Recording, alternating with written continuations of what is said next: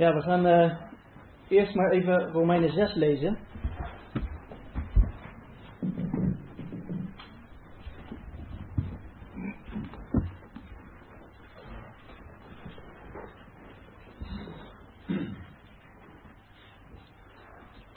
Meestal begin een boek niet in het midden.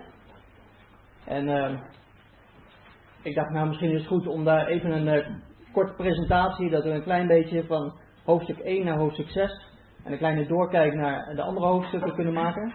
Dat we een beetje weten wat is nou precies de boodschap van uh, Paulus. En toen hoorden we net van ja, de biemer doet het niet. En dan zit je in je stoel en nou ja. En uh, ik dacht eigenlijk aan één tekst en dat was niet door kracht, noch door geweld, nog door een beamer, maar door mijn geest zal het geschieden, zegt de Heer.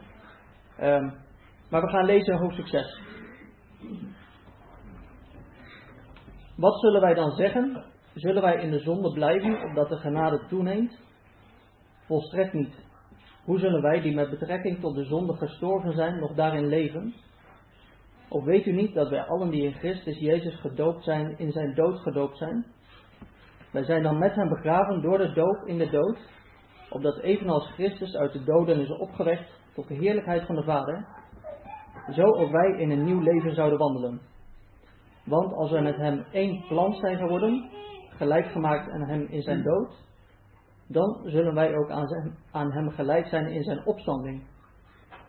Dit weten wij toch, dat onze oude mens met hem gekruisigd is, opdat het lichaam van de zonde teniet gedaan zou worden, en wij niet meer als slaaf, van de, slaaf de zonde zouden dienen. Want wie gestorven is, is rechtens vrij van de zonde. Als wij nu met Christus gestorven zijn, geloven wij dat wij ook met Hem zullen leven. Wij weten toch dat Christus, nu Hij is opgewekt uit de doden, niet meer sterft. De dood heerst niet meer over Hem. Wat, want wat zijn sterven betreft, is Hij eens en voor altijd voor de zonde gestorven. En wat zijn leven betreft, leeft Hij voor God. Zo dient ook u uzelf te rekenen als dood voor de zonde, maar levend voor God in Christus Jezus onze Heer.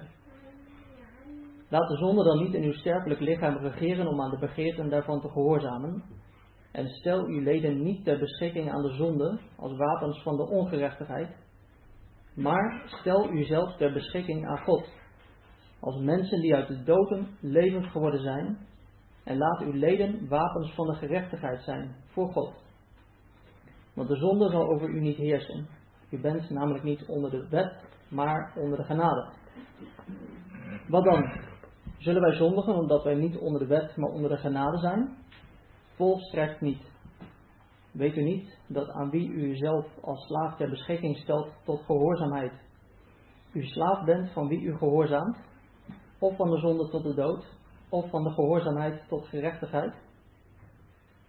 Maar God zij dank, u was wel slaaf van de zonde, maar nu bent u van harte gehoorzaam geworden aan het voorbeeld van de leer waaraan u bent overgegeven.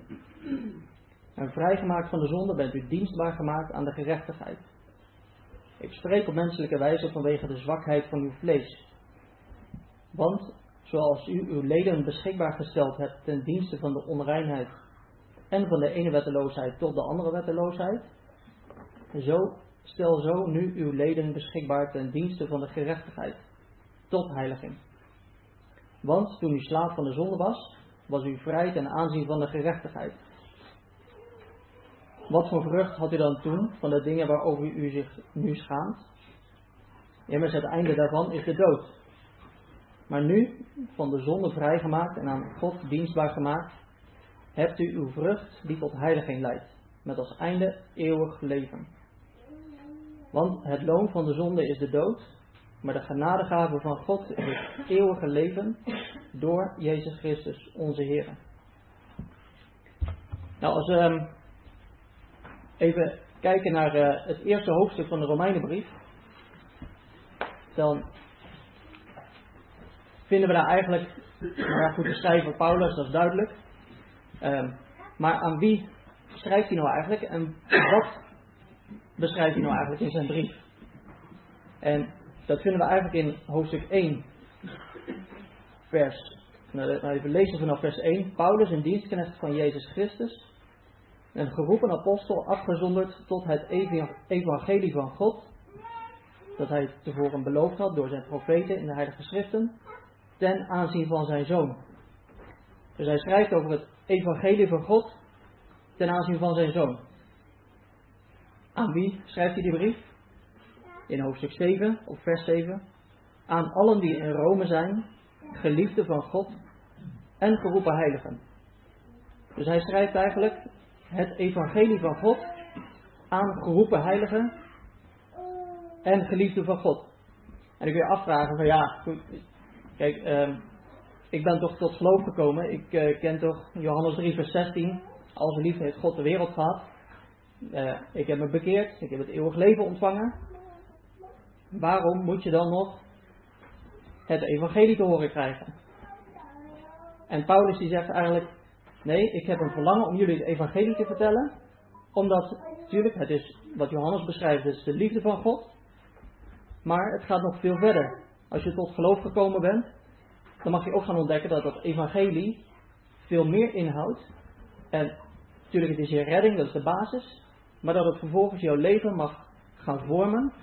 Dat je vrijgemaakt wordt van de zonde. En dat je gelijkvormig gemaakt wordt aan het beeld van zijn zoon. En dat is dan hoofdstuk 8. Daar komen we vanmiddag op terug. En ehm, in die zin is denk ik ook soms voor ons goed dat we denken van ja, we kennen Johannes 3 vers 16. Maar wat houdt nou dat evangelie van God in? Hoe wil God nou dat evangelie als het ware in ons leven helemaal zichtbaar maken? En eh, daar gaat Paulus eigenlijk de hele brief over uitweiden. En wat hij dan eigenlijk doet in de, als je heel globaal kijkt, in de eerste paar hoofdstukken. Ja, als je een redding uh, wil geven, dan moet je toch eerst erkennen dat er een probleem is. En dat is wat Paulus eigenlijk doet in de uh, eerste drie hoofdstukken, heel globaal, dat hij eigenlijk ervoor zorgt, alles zijn onder de zonde. We hebben alle gezondigd, er is niemand die goed doet. Niets. En dan gaat hij de kelen zijn open graf, et cetera, dat soort uh, uitdrukkingen gaat hij gebruiken. Want voordat we gered willen worden, dan moeten we toch eerst erkennen dat er een probleem bij ons is. Anders kunnen we ook niet verder. Vervolgens gaat hij vanaf hoofdstuk 3, hoofdstuk 4, hoofdstuk 5, gaat hij zeggen, kijk, je hebt een schuld. En vervolgens is er een redding, namelijk het werk van de Heer Jezus. Al onze schuld, onze verkeerde daden, die zijn weggedaan door het bloed van Christus. En dat kan een hele bevrijding zijn. Dat je eigenlijk denkt van, ja, alles wat ik verkeerd heb gedaan, dat is bij mijn bekering vergeven op grond van het kruiswerk van de Heer Jezus. En vervolgens gaat Paulus dat nog verder uitdiepen. Hij zegt ja, en ik had dat een beetje um, voorgesteld met uh, de fles en de fabriek. Ik weet niet of u boekjes van Watchman Nee kent. U zegt eigenlijk, er is in het verleden een soort drooglegging geweest in Amerika. Al wat alcohol eruit. En dan kun je zeggen van ja, we halen alcohol uit de huizen, uit de winkels. Daarmee is het probleem opgelost. Niet dus. Want die fabrieken die staan er nog steeds. Dus kunnen zeggen van ja, als je dat een beetje vertaalt op ons. We hebben gezondigd, we zijn schuldig tegenover God. Onze zonden, onze verkeerde daden zijn weggedaan. Maar ja, dan is er nog steeds een probleem, want ik ben geen zondaar. Omdat ik, ik ben een zondaar en daarom zondig ik. Dus die daden zijn weg, maar vervolgens het probleem, ja, dat moet ook aangepakt worden. Nou, en daar gaat eigenlijk hoofdstuk, een deel van hoofdstuk 5, hoofdstuk 6 gaat erover. Hoe heeft de Heer Jezus dat dan opgelost? En dat is door zijn sterven, door zijn opstanding. En zij hebben met hem begraven door de dood. Om in de dood te blijven, nee, om op te staan tot nieuw leven. Zodat ik dat nieuwe leven van de Heer Jezus in ons zichtbaar mag worden. En toen ik die hoofdstuk aan het lezen was, met name hoofdstuk 6 dan, um, toen kwam ik eigenlijk een beetje, hoe zou Paulus dat nou geschreven hebben? Ik denk zo'n brief, dat schrijft hij niet in een, in een dag, denk ik. Dat, daar gaan misschien een paar dagen overheen. En als je hoofdstuk 6 leest, dan lezen we in vers 3, of weet u niet. We lezen in, in vers 6, dit weten wij toch. In, even kijken, staat nog iets verder, vers 16, weet u niet. Hoofdstuk 7, of broeders, weet u niet. Dus Paulus die is allemaal eigenlijk lessen aan het opschrijven, waarvan hij zegt, gelovigen in Romeinen, dit moeten jullie wel weten, want het hoort tot het evangelie van God.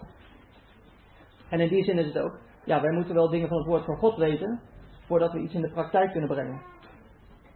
Maar vervolgens heeft Paulus dat allemaal uitgewerkt. Je was schuldig, je zonden zijn vergeven, de schuld is weggedaan, je oude mens is gekruisigd met hem. En dan kom je eigenlijk in het eind van hoofdstuk 7 en dan merk je iets in het leven van Paulus. Heeft hij het allemaal uitgewerkt voor de Romeinen? En dan zegt Paulus, ik ellendig mens, wie zal mij verlossen uit het lichaam van de dood? Want ja, eigenlijk, dat wat ik, wat ik wil, dat doe ik niet. Maar juist dat wat ik haat, dat doe ik. En het is alsof Paulus dat allemaal eh, eerst zelf ook theoretisch moest weten. En toen dacht van, nou, ik, ik weet het nu, klaar uit. Zou naar huis kunnen. En vervolgens komt hij de praktijk de volgende dag en denkt, hoe kan het nou dat ik toch weer zondig? Het, was, het probleem was toch klaar? Zonden waren weg, zonde, macht, komen we straks wel op denk ik. En toch zondig ik, toch struikel ik elke keer. Nou, en dan komt hij tot een geweldige conclusie. Ja, maar ik leef niet meer. Christus leeft in mij. En hij heeft mij de Heilige Geest gegeven. En daardoor mag ik gaan leven. En in die zin denk ik, hoop ik ook voor vandaag, we moeten dingen weten. Um, maar Paulus die moest ook iets gaan ervaren en die moest ook iets in de praktijk gaan brengen.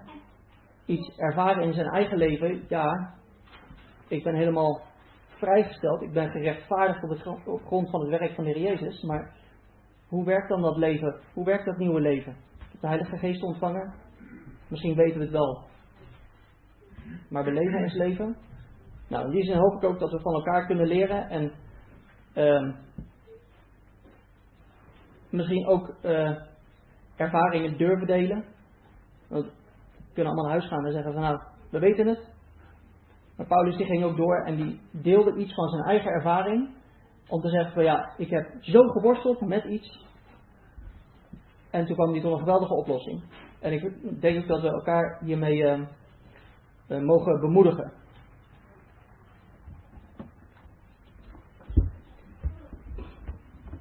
Vul gerust aan.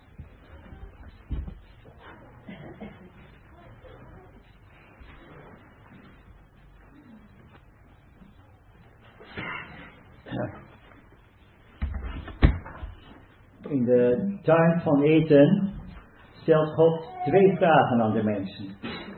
De eerste vraag, ga ik nu maar even terugstellen, maar de vraag aan Eva was, wat hebt u gedaan? Later zegt hij dat tegen Kain, wat hebt u gedaan? En dat is de vraag die beantwoord werd in de eerste helft van de Romeinenbrief. Wat heb ik gedaan? Het probleem van onze zonden. Maar de eerste vraag die God stelde was aan Adam, waar bent u?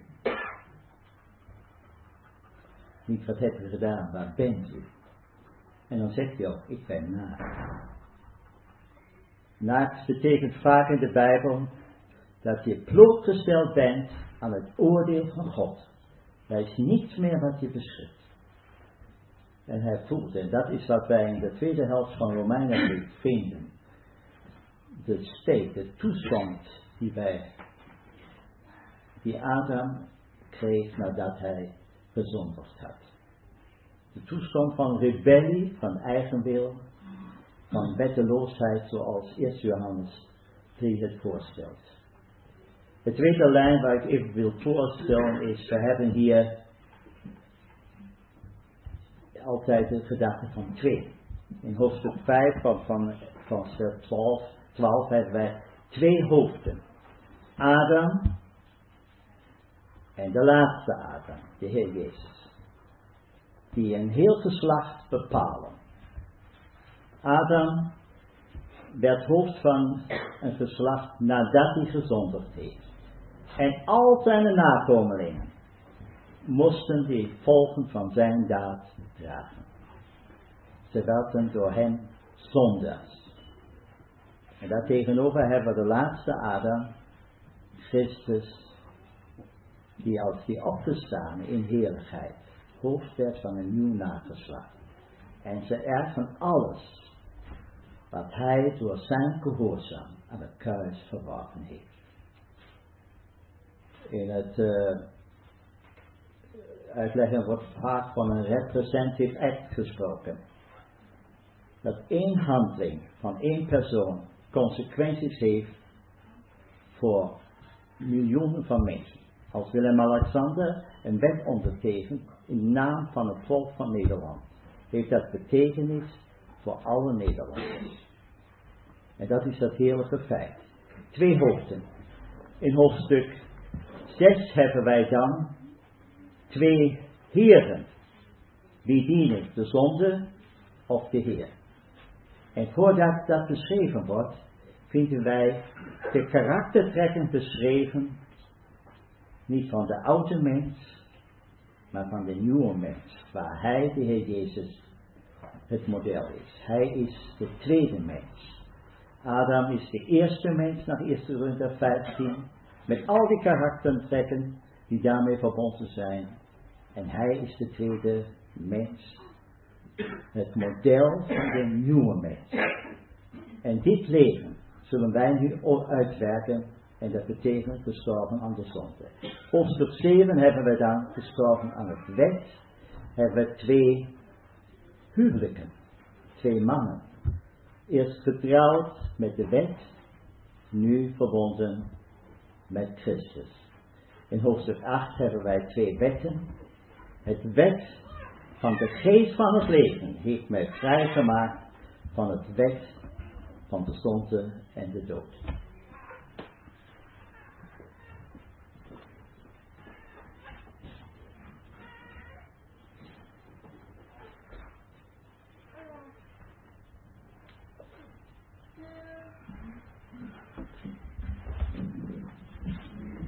Waarom herinnert Paulus hier eigenlijk aan de doop? De doop is een hele praktische aangelegenheid. Hij doet dat omdat daardoor duidelijk wordt dat op de dood een begrafenis volgt. En als hij begraven wordt, dan is dat het einde van het zichtbare van een persoon.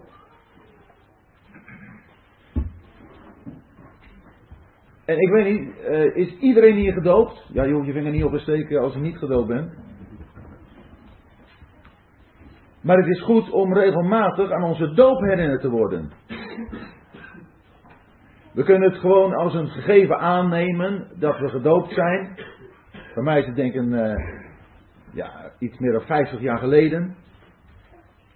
Maar de actualiteit geldt voor vandaag. En als ik me goed realiseer wat het betekent om gedoopt te zijn, dan denk ik ineens weer aan, oh wacht even, je bent gestorven toen je Christus aannam. Toen heb je gezien dat God jou moest oordelen toen heb je gezien dat je zonden zijn vergeven. Toen heb je gezien dat je voor God weg bent. En dat je vanaf dat moment, toen je begraven werd, ook niet meer door de wereld wordt gezien. En ik denk dat daar het knelpunt zit. Wij moeten telkens weer herinnerd worden aan onze doop als een begrafenis. Om weer opnieuw na te denken over het feit, maar Ho even, in hoeverre heeft de wereld wel invloed op mij gekregen? Leef ik echt voor God? Of leef ik toch nog in verbinding met de dingen van de wereld? De doop betekent dat we een verworpen Christus volgen. En ik vrees dat de omgeving waarin wij leven zo'n enorme invloed op ons heeft gekregen, dat we een beetje opgaan in de wereld. Dat we ons niet meer werkelijk onderscheiden van de wereld.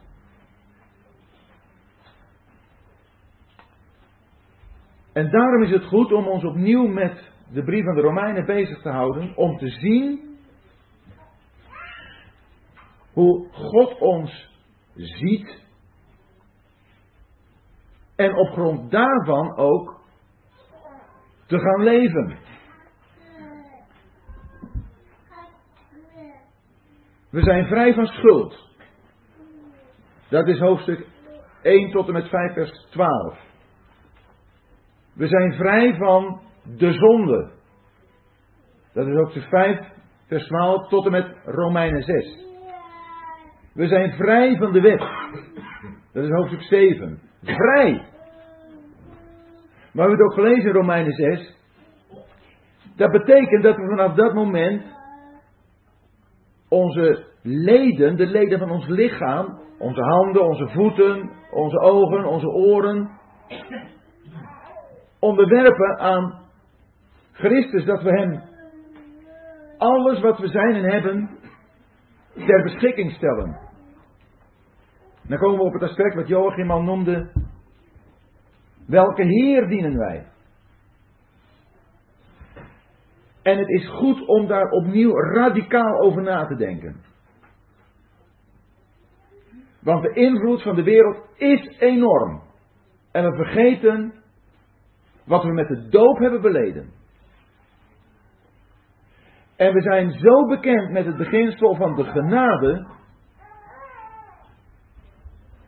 En we weten zo goed wat het is om vergeven te zijn. Dat we niet meer werkelijk in ons hart hebben. Wat het betekent om gestorven te zijn. En daar op grond van ook gerechtvaardigd te zijn voor God. De hele brief aan de Romeinen is het antwoord op een vraag die twee keer in het boek Job wordt gesteld. Hoe kan een mens rechtvaardig zijn bij God? Het antwoord is Christus. God ziet ons in Christus. En die vereenzelviging met Christus, zowel in zijn dood als ook in zijn opstanding, want dat is wat er dan verder volgt hier in Romeinen 6, op grond van de begrafenis, komt dan ook die opstanding. Die vereenzelviging met Christus in opstanding, daar gaat het om. Dat is het resultaat dat gezien moet worden in ons leven. En dat zullen we alleen kunnen doen als we opnieuw onder de indruk komen van wat Christus heeft moeten doen voor mij. Van wat hij heeft moeten doormaken in zijn werk op het kruis. Om mij die plaats van gerechtvaardigd voor God te geven. En weet je, als dat opnieuw doordringt, dan ga je zo dankbaar worden. Jij krijgt hoofdstuk 8 nog. Maar dan zeg je, Heer, hier ben ik. Of zeg, hier ben ik opnieuw. En ik hoop dat dat de uitwerking wordt. We zien de grootheid van Christus voor God. En als gevolg daarvan te zien, zo mag ik voor God zijn in Christus. Dat is het grote werk dat de Heilige Geest ook vandaag, denk ik, in ons hart, in mijn hart, wil doen bij de overdenking van deze heel belangrijke hoofdstukken.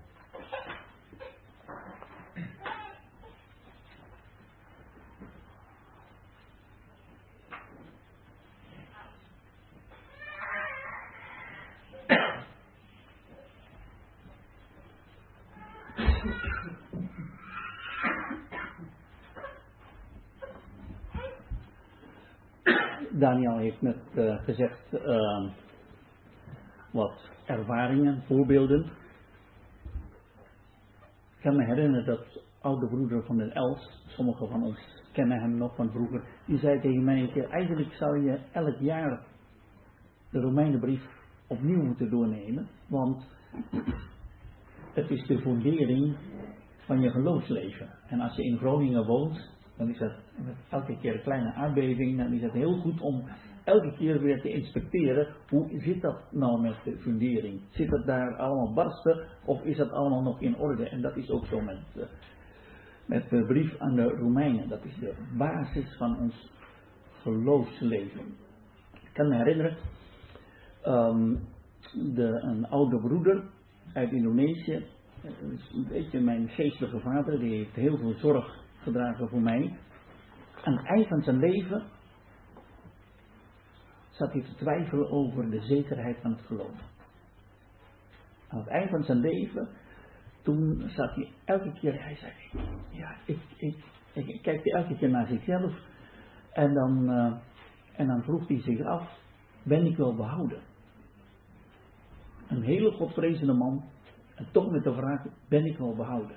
En toen dacht ik, hoe belangrijk is dat om de Romeinenbrief te kennen? Want we hebben het woord gerechtvaardig gebruikt. Maar wat, wat betekent het woord gerechtvaardigen? Dat woord komt uit de, uit de rechtszaal. Er is een rechter, er is een, een aangeklaagde en uh, er is een aanklacht. En de aangeklaagde is eigenlijk schuldig.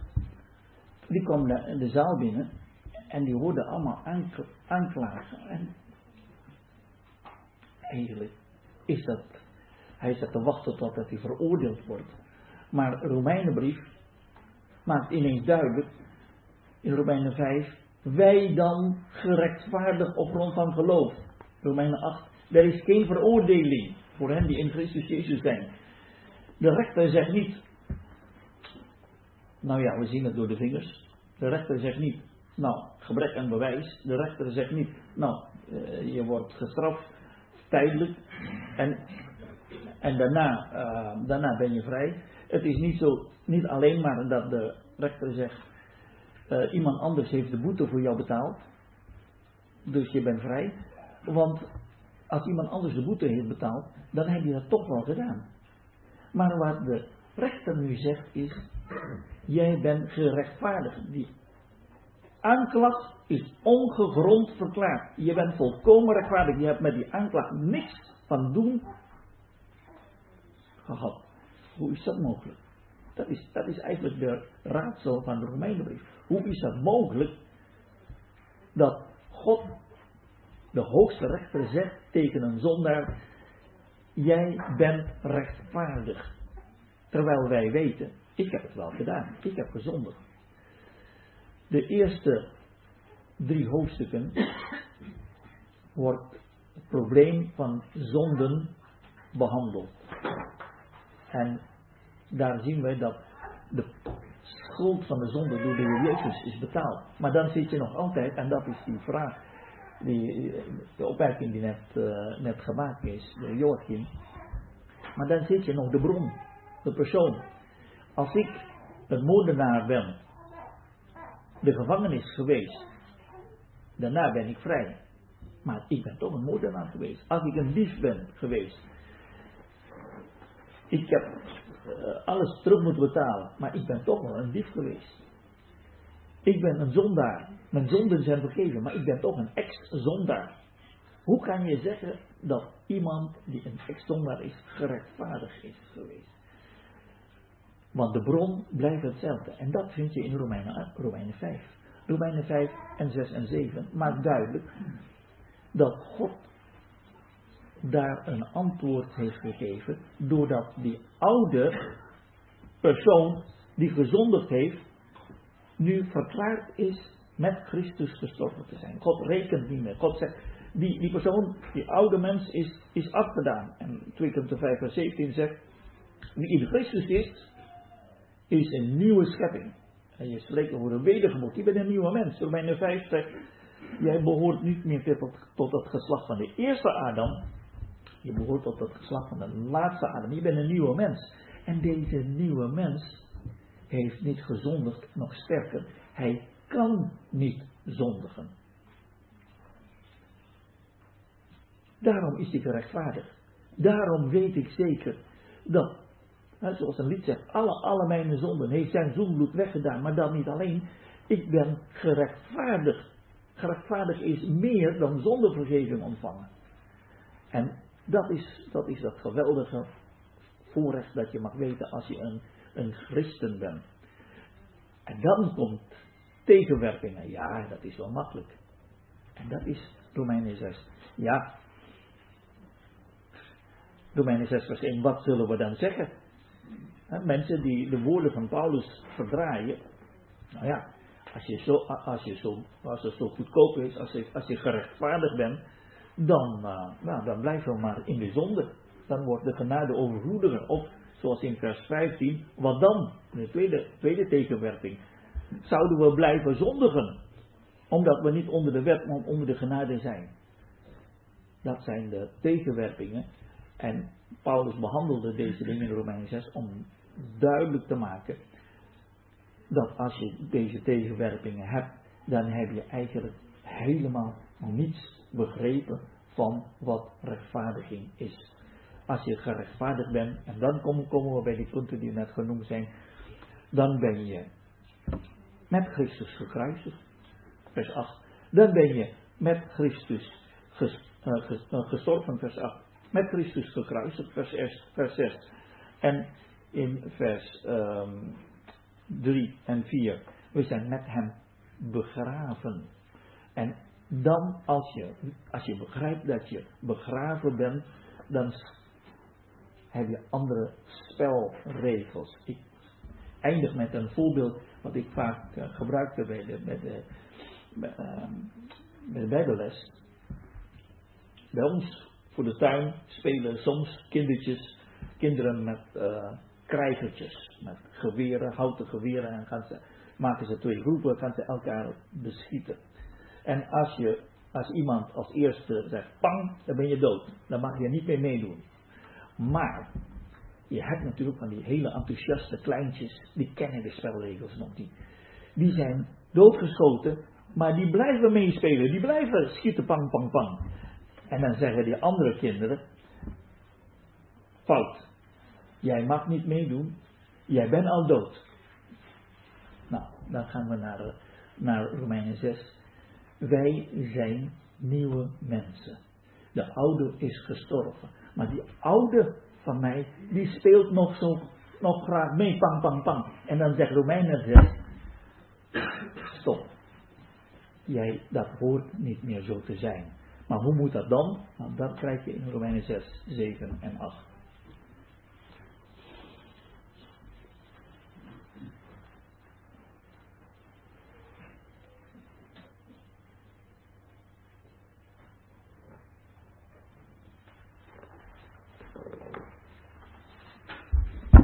Dan zijn we met hem gestorven. En dan volgt een heel lang, gelukkig saai leven. Tenminste, zo uh, heb ik dat vroeger wel begrepen. Ja, dan, uh, ja, dat is het dan een beetje. Maar het is niet zo, want in vers uh, 5 aan het eind staat zijn opstanding. En in vers 4 aan het eind staat wandelen. En in vers 8 aan het eind staat leven. En uh, voordat ik daar wat over wil zeggen, wil ik uh, iets lezen uit Johannes, Johannes 10.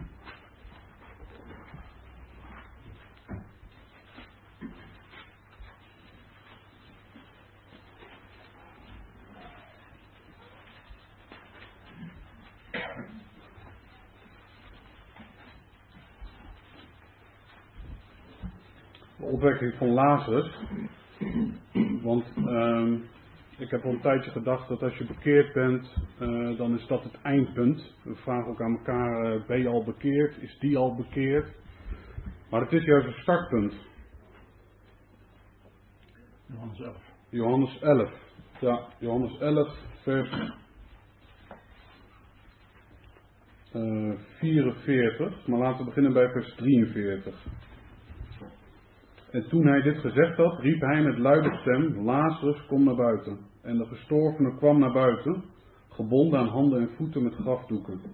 En zijn gezicht was omwonden met een zweetdoek. Jezus zei tegen hen, maak hem los, laat hem weggaan. Nou, het is sowieso al een wonder dat Lazarus hier kan lopen, want hij was verbonden aan zijn voeten. Maar goed, dat terzijde. Uh, Lazarus was uh, levend, was erfgenaam van de verlossing geworden. Maar hij was nog geen praktiserend erfgenaam, want hij was nog verbonden. Hij zat nog helemaal ingepakt. En ik denk, uh, het kan zo zijn dat we bekeerd zijn, maar dat we nog in ons kokonnetje ingepakt zitten. En dat we nog losgemaakt moeten worden. En niet direct of niet alleen van de zonde, um, maar dat we losgemaakt moeten worden om in de vrijheid te kunnen staan en om ons vrij te kunnen bewegen. En dan wou ik teruggaan naar Romeinen 6.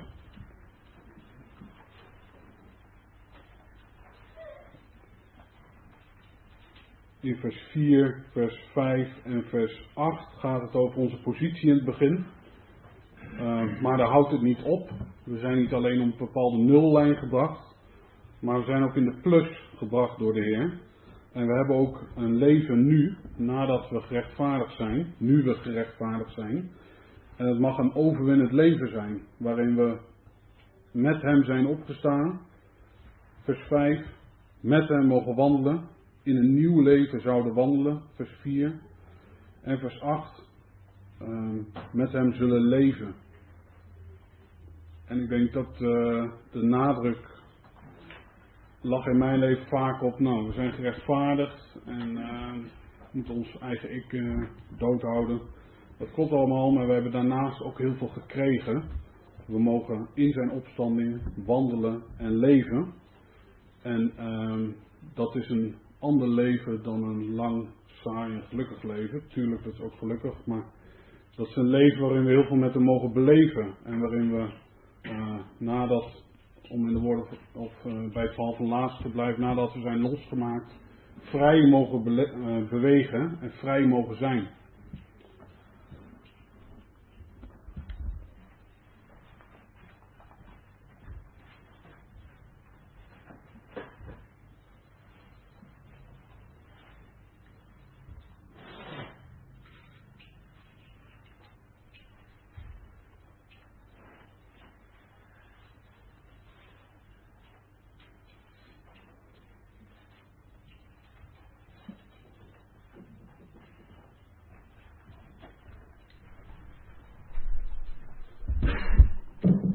zit eigenlijk met een klein probleempje. Als ik dit allemaal hoor, ik herken het, ik weet het. Ik heb het, weet niet hoe vaak, geleerd en gehoord. Maar hoe doe ik het?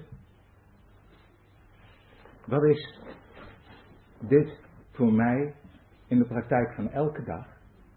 Hoe ga ik morgen naar mijn werk? En hoe dood ik dan uh, de leden van de zonde? En hoe stel ik mijn lichaam ter beschikking van de Heer? Hoe doe ik dat? En onze zuster Gerda zegt altijd: de vraag stellen is een beantwoorden. En zij heeft een hele mooie tekst in haar toilet hangen. En die bracht mij op het idee om u Efeze voor te lezen. Hoofdstuk 4. Dan moet ik even het vers opzoeken.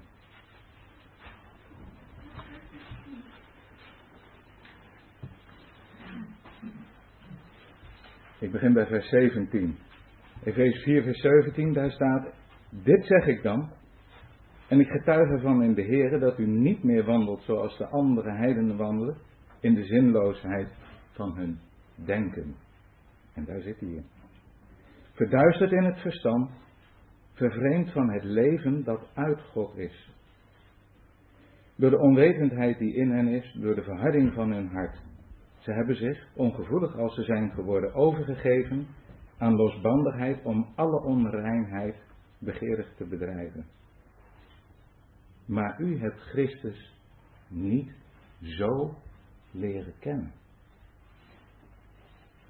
Als u hem tenminste gehoord hebt en door hem bent onderwezen zoals de waarheid in Jezus is.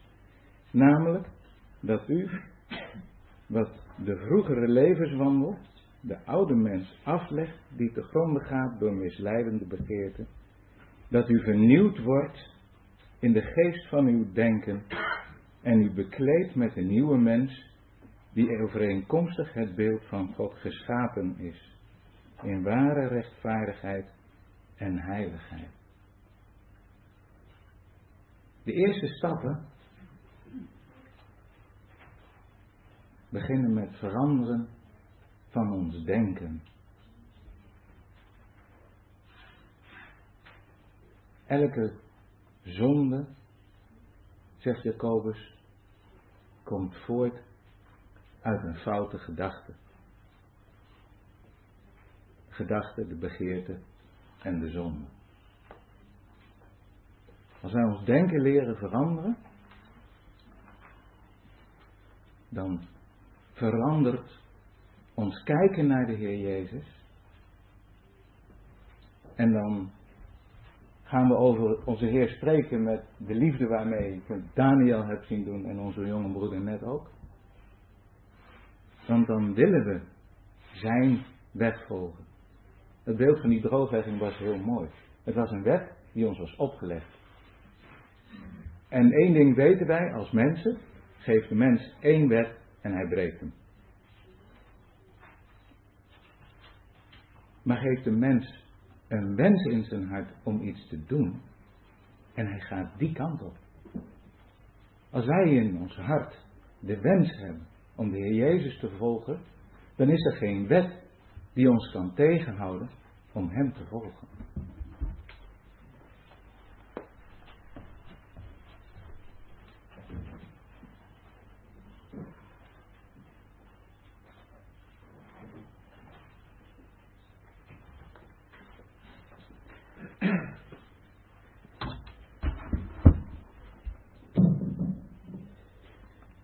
paar inleidende gedachten nog even ter benadering.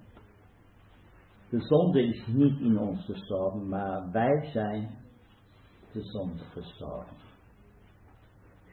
Tweede gedachte, als wij eens gemaakt zijn met zijn dood, dat wij de dood tot uitvoering gebracht hebben. Iemand die dood is, hier in Arnhem en begraven is, die kan hier niet meer door de straten lopen.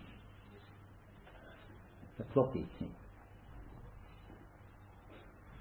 We zijn uit het oog van de wereld en behoren nu tot een andere wereld. Andere wereld. Dat wordt hier geopend. En dat is dat geweldige.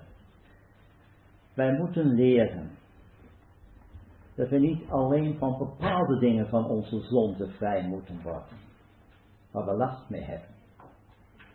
Als ik hier jonge mensen aankijk of oude mensen, iedereen heeft een plekje in zijn leven waar hij niet meer klaarkomt.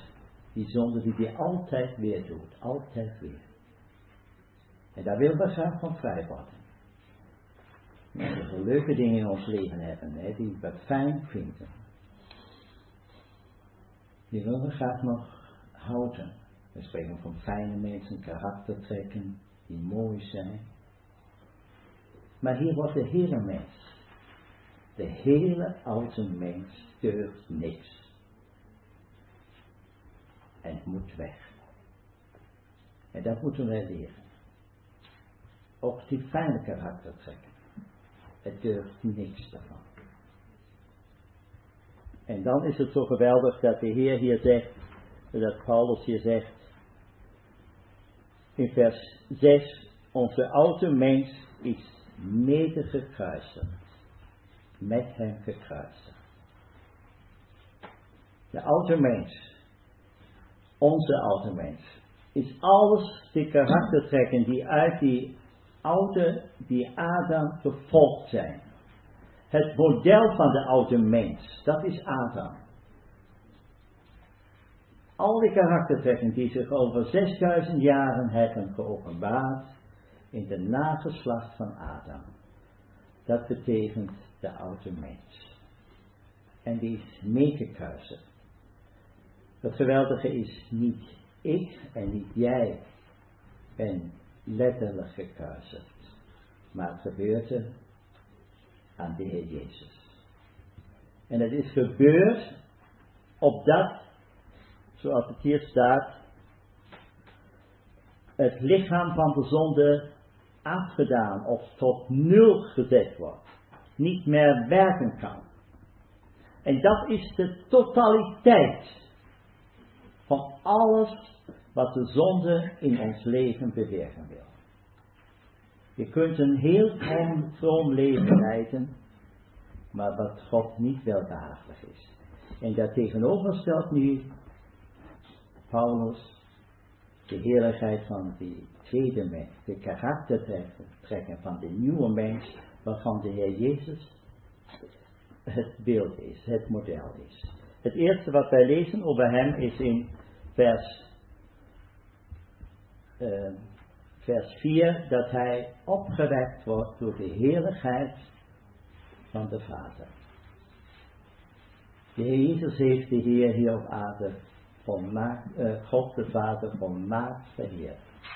In alles wat hij deed, door zijn gehoorzaam, heeft hij God zo verheerlijkt dat het de heerlijkheid van de Vader eiste hem op te wekken.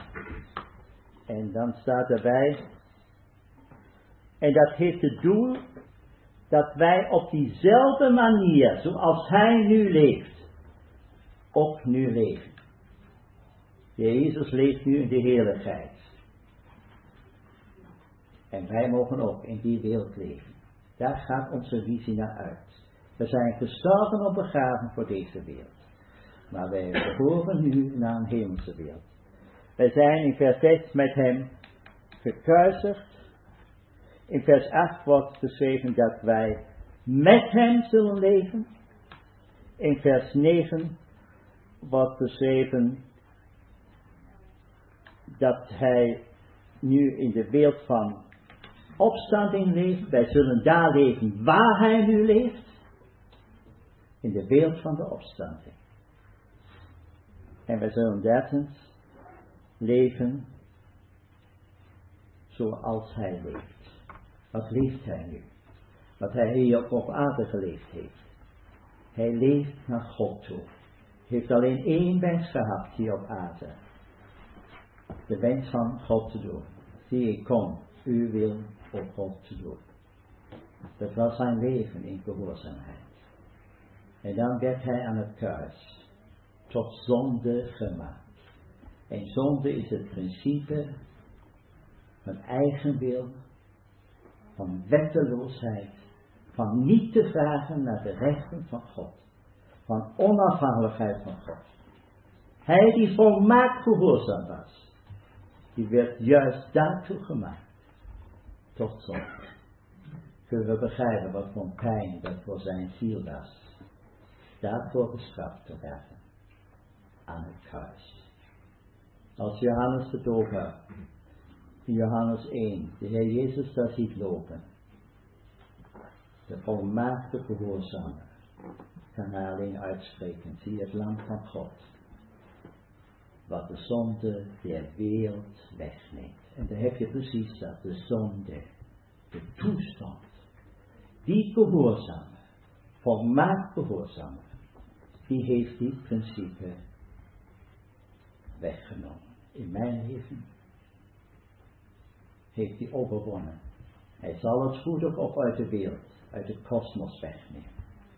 En daarom zegt hij, wij zullen leven waar hij is, wij zullen leven wie hij naar God toe. En is dat niet geweldig? Als wij dat kennen, naar God toe leven. Dat is Psalm 16 in vervulling ik heb de Heer altijd mooi voor mij gesteld. Mijn lot is gevallen in prachtige doelen. Hij kan zich verheugen. Dat was het doel van zijn leven. God voor ogen te houden. Hem in alles te verheerlijken. En jij en u en ik ben opgeroepen naast hem te staan. Opnieuw zo te leven. Dat is geweldig. Een leven naar God toe te leven. Om Hem te behagen. Dat is echte vrijheid.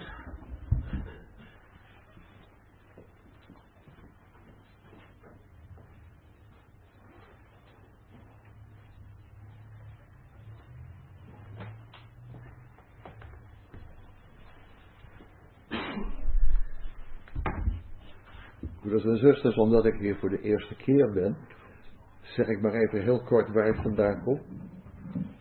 Ziet daar Robert Veen, mijn vrouw Henneke zit daar, we komen uit de vergadering van Heemstede. Ik had een vraag.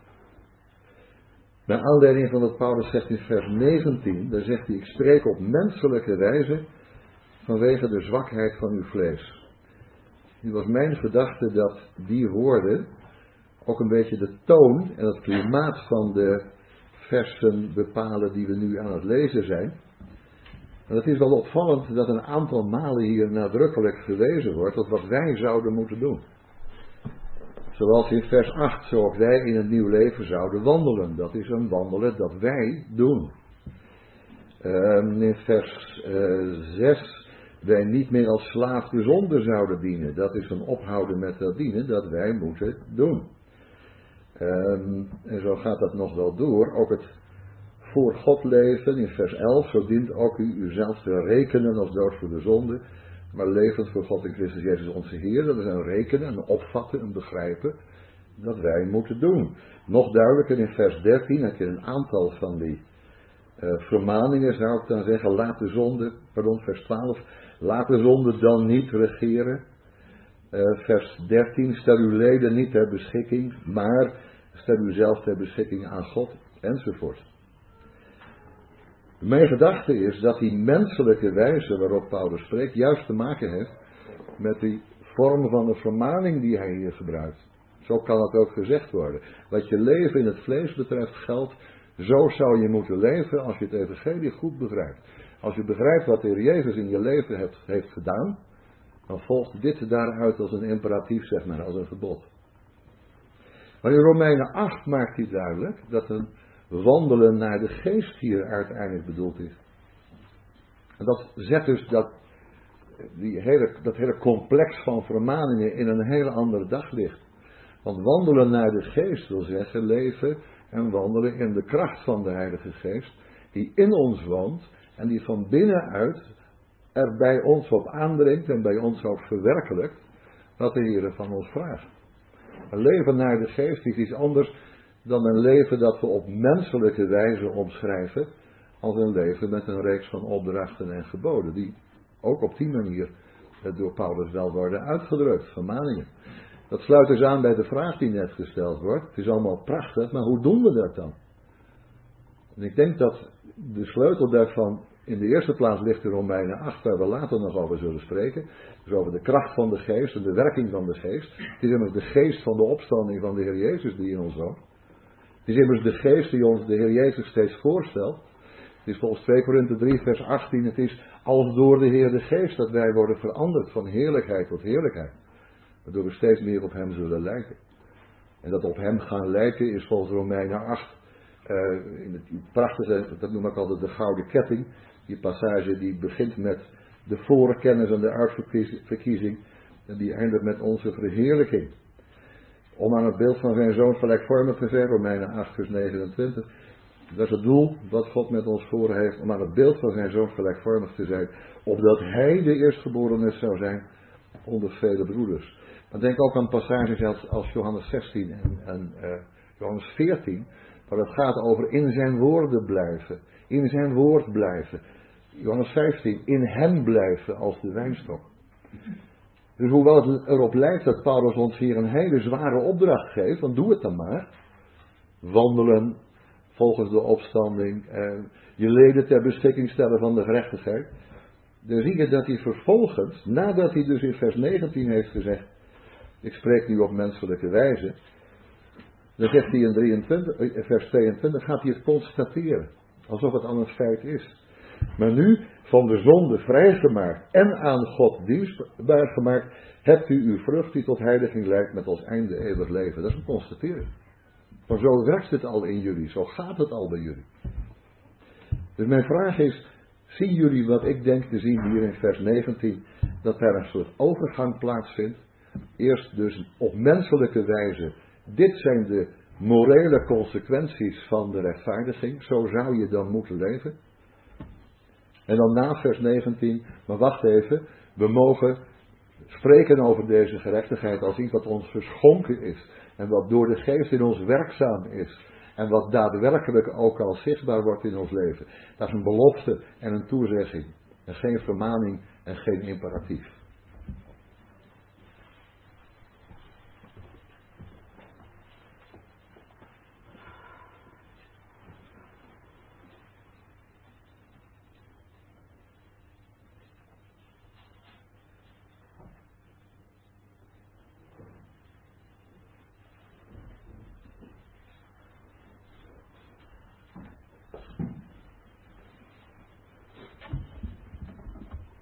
toen we daar, uh, toen ik net toen dacht ik van, uh, volgens mij is dat inderdaad waar deze hoofdstukken over gaan. Als ik dat heel simpel voor mezelf probeer te begrijpen, dan zegt hoofdstuk 6.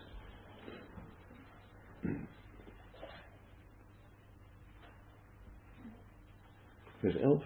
U dient uzelf te rekenen als voor de zonde dood, maar levend voor God in Christus Jezus onze Heer. Als ik me verkeerd heb, de Heer Jezus heb aangenomen, weet dat Hij voor mij gestorven is, dan leef ik vanaf dat moment niet meer voor mezelf, niet meer mijn leven, maar ik leef dan voor God. En niet zomaar, maar omdat ik de Heer Jezus, onze Heer, ken in verbinding met Hem. En dan zou je kunnen zeggen, nou, dan doe je dat gewoon. Dan leef je vanaf dat moment voor God.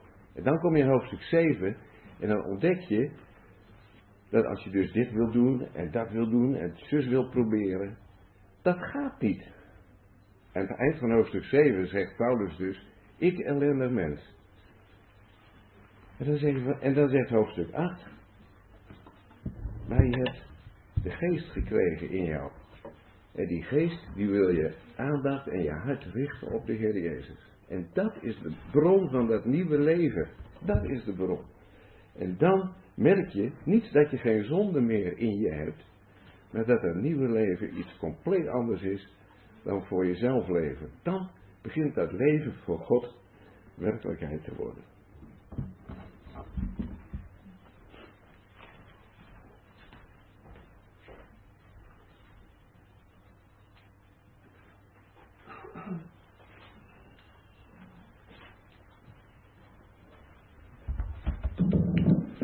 Er zijn drie, drie teksten die mij wel een beetje geholpen hebben om uh, waar te maken. En dat is allemaal heel zwak en uh, met falen, maar toch die steeds weer een basis vormen voor mijn geestelijk leven. Om mij te realiseren. Vers 11, en daarom Teun die sprak er even over, denk ik er even op aan te sluiten. Vers 11 is, zo ook u, rekent het ervoor ten opzichte van de zonde dood te zijn, maar voor God levend in Christus Jezus. Dat is niet een uh, ervaren dat je, dat je dood bent. Dat, dat is niet iets waar je je best voor doet. Uh, dat je moet geloven. Nee, je moet hierop gaan staan. Dit is zo. Dit wordt gezegd. Rekent het ervoor. Houd het ervoor. Het is zo. Dan moet je dus gewoon aanvaarden. Zonder vragen. Ook al is je praktijk soms nog zo anders. Hier moet je naar terug. Rekent ervoor ten opzichte van de zonde doden zijn. Ik ben gestorven. Maar voor God leven in Christus Jezus. Dat is hoe God mij ziet. Eigenlijk is die, dat vers 11 een conclusie van die voorgaande versen. En een centraal vers in dit hoofdstuk. Dit is een conclusie. Daar moeten we ook op gaan staan. Dat is niet iets theologisch.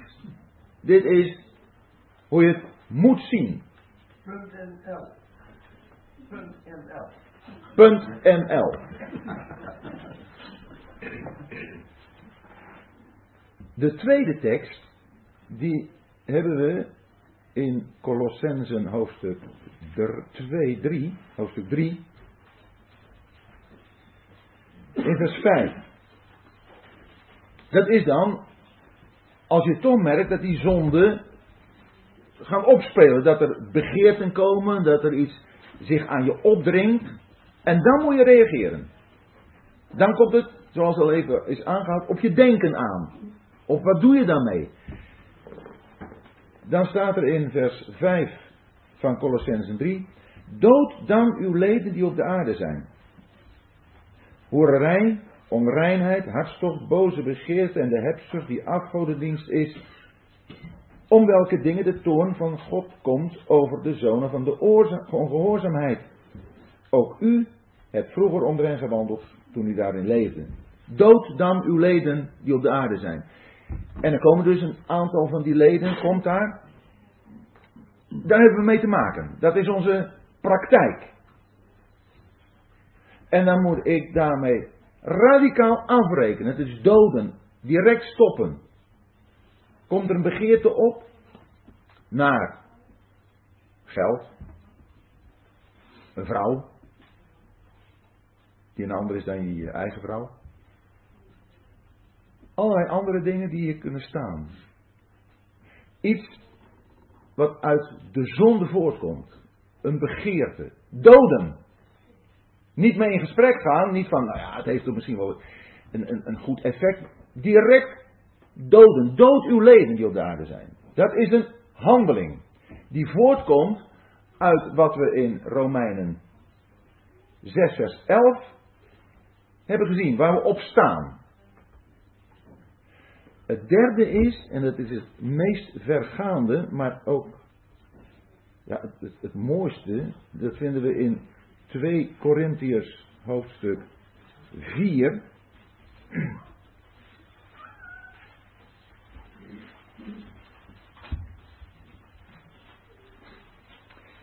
En het volgt uit het evangelie, wat dan in de eerdere versen van dat vierde hoofdstuk in de tweede brief van de Corinthiërs staat.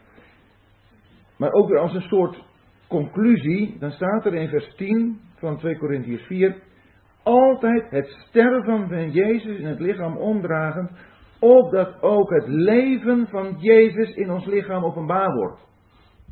Dat is in wezen de voortdurende vereenzelviging met de gestorven Christus. En als ik me dat realiseer, dan ga je weer terug naar Romeinen en dan denk je, ja inderdaad, de gestorven Christus, het lichaam, dat is begraven, dat is weg. De doding van Jezus in ons lichaam omdragen. Die realisering. En dan komt ook het leven van Jezus in ons leven, lichaam openbaar. Dat zijn de drie schriftplaatsen die ik zou willen doorgeven om daar eens verder over na te denken. Hoe je dat nou in je leven toepast. Jongeren en ouderen. Want dit zijn uitgangspunten. En dan kun je toch nog, want we gaan naar Romeinen 7, die worsteling hebben. We hebben het over die begeerte gehad. En Paulus zegt: Ik zou de begeerte niet hebben gekend als de wet niet had gezegd, u zult niet begeren. Dan krijgen we een, een situatie, en er is ook gevraagd naar, praktijk, naar praktijkervaringen.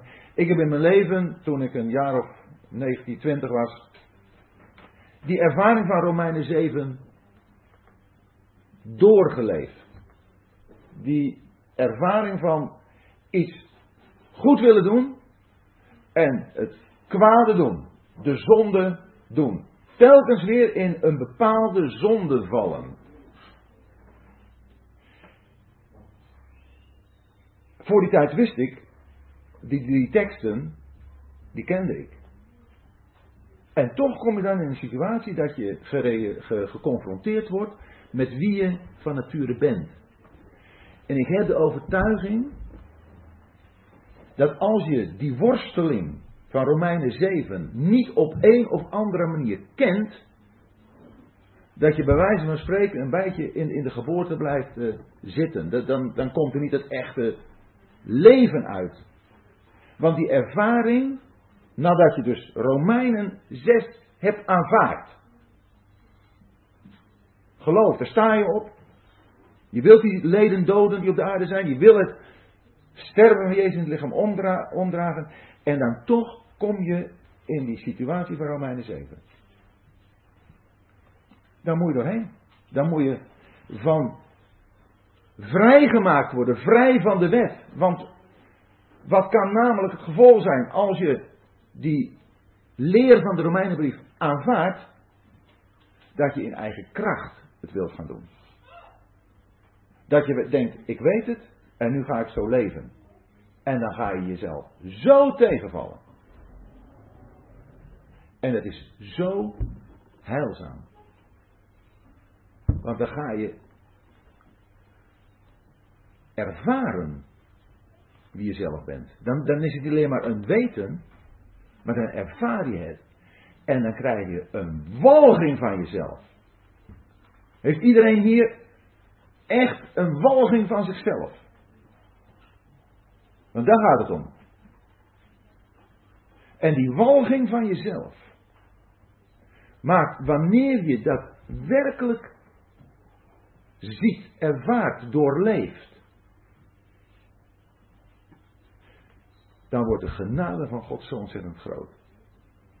Dat de Heer Jezus zich met jouw afschuwelijke ellendeling die je bent, in je praktijk, hè, dat hij zich voor jou gegeven heeft.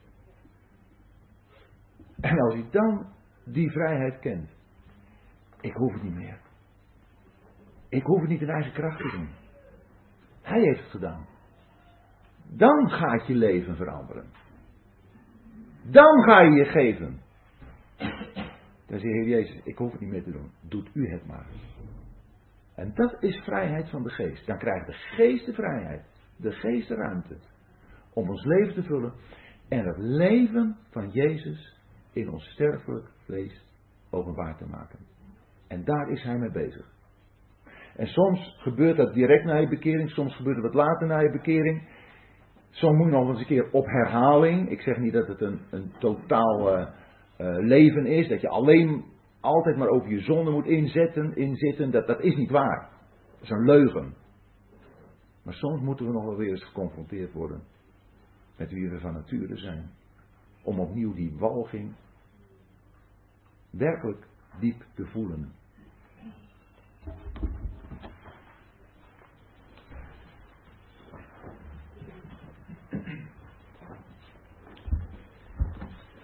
In Romeinen, in Romeinen 6, vers 3 staat, of weet u niet. En dan begint Paulus hier met zijn ontvouwingen, wat er allemaal is gebeurd. En als we dan nu net gehoord hebben over al die stellingen, die we dan zouden kunnen toepassen, zou ik er een tekst bij willen halen uit 2 Korinthe 5, vers 14. Maar Paulus heeft een geweldige ontmoeting gekregen met de Heer Jezus. In zijn godsdienstige houding en vroomheid heeft hij gedacht dingen te doen voor God. Toch, hij kwam de Heer Jezus tegen. En die ontmoeting met de Heer Jezus heeft praktisch bij hem iets uitgewerkt. Dat hij inderdaad tot dat nulpunt is gekomen. En waardoor hij die relatie kreeg die voor hem zo belangrijk is. En vanuit zijn houding, zijn relatie die hij heeft met de Heer Jezus, ziet hij de dingen ook wat er fout gaat in de gemeentes. En waarin hij uiteindelijk de, de broeders daarin wil laten zien wat er nou werkelijk is gebeurd. En in de ontmoeting heeft hij gevraagd: Heer, wie bent u? Ik denk dat dat in ons leven, in het geloofsleven, waarin we allerlei geloofsprincipes al zo goed weten, telkens weer die strijd ook hebben van waarin we stelling willen nemen en toch. Je komt je eigen toch altijd weer tegen. Paulus gaat hier op een bijzondere manier de dingen ontvouwen waardoor wij licht krijgen vanuit het woord van God wat er nou werkelijk gebeurd is. En had het net ook over uh, Colossensebrief. Maar als ik dan ook vanuit die stellingen lees, dan zie je die voor ons gestorven is. Colossensebrief, dood al beleden, maar daarvoor spreekt hij over de gestorven Christus, die voor ons de plaats is ingegaan. En waardoor in, waar ik eigenlijk hier aan deze tekst dacht, in 2 Korinther 5, want de liefde van Christus dringt ons. Daar wij tot dit oordeel gekomen, dat wij tot dit oordeel zijn gekomen dat één voor allen gestorven is. Dus zijn zij allen gestorven en hij is voor allen gestorven omdat zij die leven niet meer voor zichzelf leven, maar voor hem die voor hun is gestorven en opgewekt. Als we kijken naar de relatie die God met ons wil, onze broeder had net gezegd in Genesis, Adam waar ben je? God weet het wel, maar God wil direct naar de persoon, naar Adam toe, om die relatie aan te gaan. En in de praktijk van onze dag is dat telkens weer onze houding van onze oefening, van het geloof. Welke Heer hebben wij lief? Die voor ons zoveel heeft gedaan. Die mij heeft lief gehad. Zichzelf voor mij heeft overgegeven. Dat ik weet dat Hij voor mij gestorven is. Dat Hij is opgewekt. Zodat wij in de nieuwheid van leven kunnen wandelen. Want dat is het doel waar Paulus ons in wil brengen. Om te leven en te wandelen. Maar we moeten herkennen dat de prijs die betaald is op Golgotha. Dat het de liefde is van Christus die mij dringt. En waardoor er een geest van kracht is die in mijn leven kan werken om uit te kunnen gaan. Paulus gaat hier inderdaad, wij weten wij wel dat, wat er gebeurd is. Of weet u niet? Of dan gaat hij naar de menselijke wijze van houding, maar telkens weer om te laten zien hoe groot de liefde van God is, dat hij zijn onuitsprekelijke gave heeft gegeven, de Heer Jezus. Waardoor we in de geest van het leven werkelijk kunnen leven en wandelen en keuze kunnen maken die zo nodig is in de wereld om ons heen. Waar alles ons van Hem belastigt.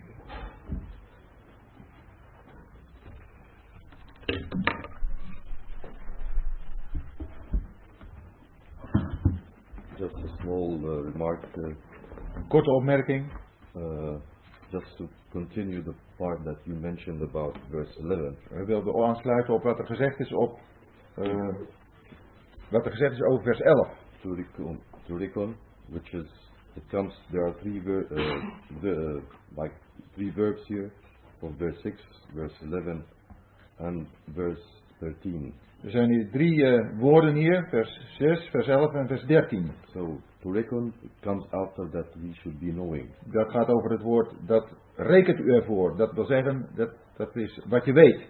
And knowing here is not something as you mentioned by faith, but it is something that is practical, that we En het, eh, het, het ervoor rekenen, het weten is niet iets, eh, ja, het gaat om iets praktisch. something practical, yeah. So, to reckon that we died, Door ervoor te rekenen dat we zijn gestorven, this is something I think it is very important, and uh, dit is, denk ik, het is heel belangrijk. and, and we always feel uh, problems how to deal with it. En we voelen altijd ervaren, we ervaren altijd problemen hoe we daar moeten omgaan. But what I just want to mention the the dilemma or the the the real Wat ik wil, wil zeggen, het dilemma wat je, wat je voelt. yeah that uh, we have a source for this. Hier, daar is een bron voor aanwezig. I was just reading a book about the resurrection, the word resurrection. Ik, ben, eh, ik heb net een boek gelezen. You have read it or are reading Yeah, I read it, yeah.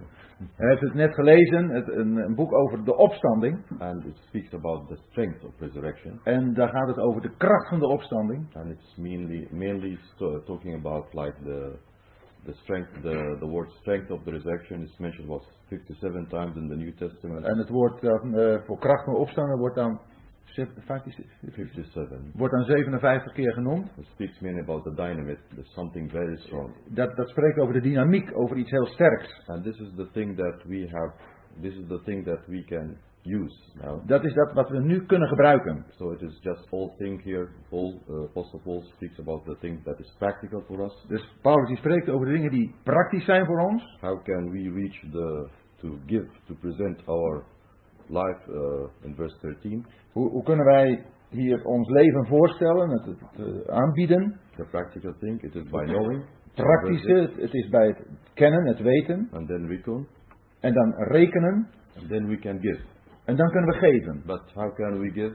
Maar hoe kunnen we geven? It is when we know that we have a strength of the resurrection. Dat is wanneer we weten dat er die kracht van de opstanding is. And this strength of the resurrection, it is not something that we will, it is just something we know, but it is something that is true because it divided the history into two. En het is niet maar iets wat we eh, aanvaarden, het is wat we weten, want het is. It is the strength of the resurrection of the Lord Jesus divided the history, so it is a real De, de kracht van de, van de opstanding is dat wat de geschiedenis verdeelt. So I think it's a practical uh, chapter, but Het it is een, een praktisch hoofdstuk. very important for us that we can really uh, know that we have a source for it, En dat we ook goed weten dat er werkelijk een, een bron voor is, een grondslag voor ligt. which is the strength of the resurrection, as the Apostle Paul mentioned in verse And in Ephesians 1 En dat is de kracht van de opstanding, zoals de apostel Paulus het ook in de brief aan de Efeziërs hoofdstuk when he 1 was noemt. for them that you should know the strength of the resurrection, verse 19. Waar hij in, hoofdstuk in vers 19 eh, ervoor bidt dat ze die kracht van de opstanding zouden kennen. Yeah. Thank you.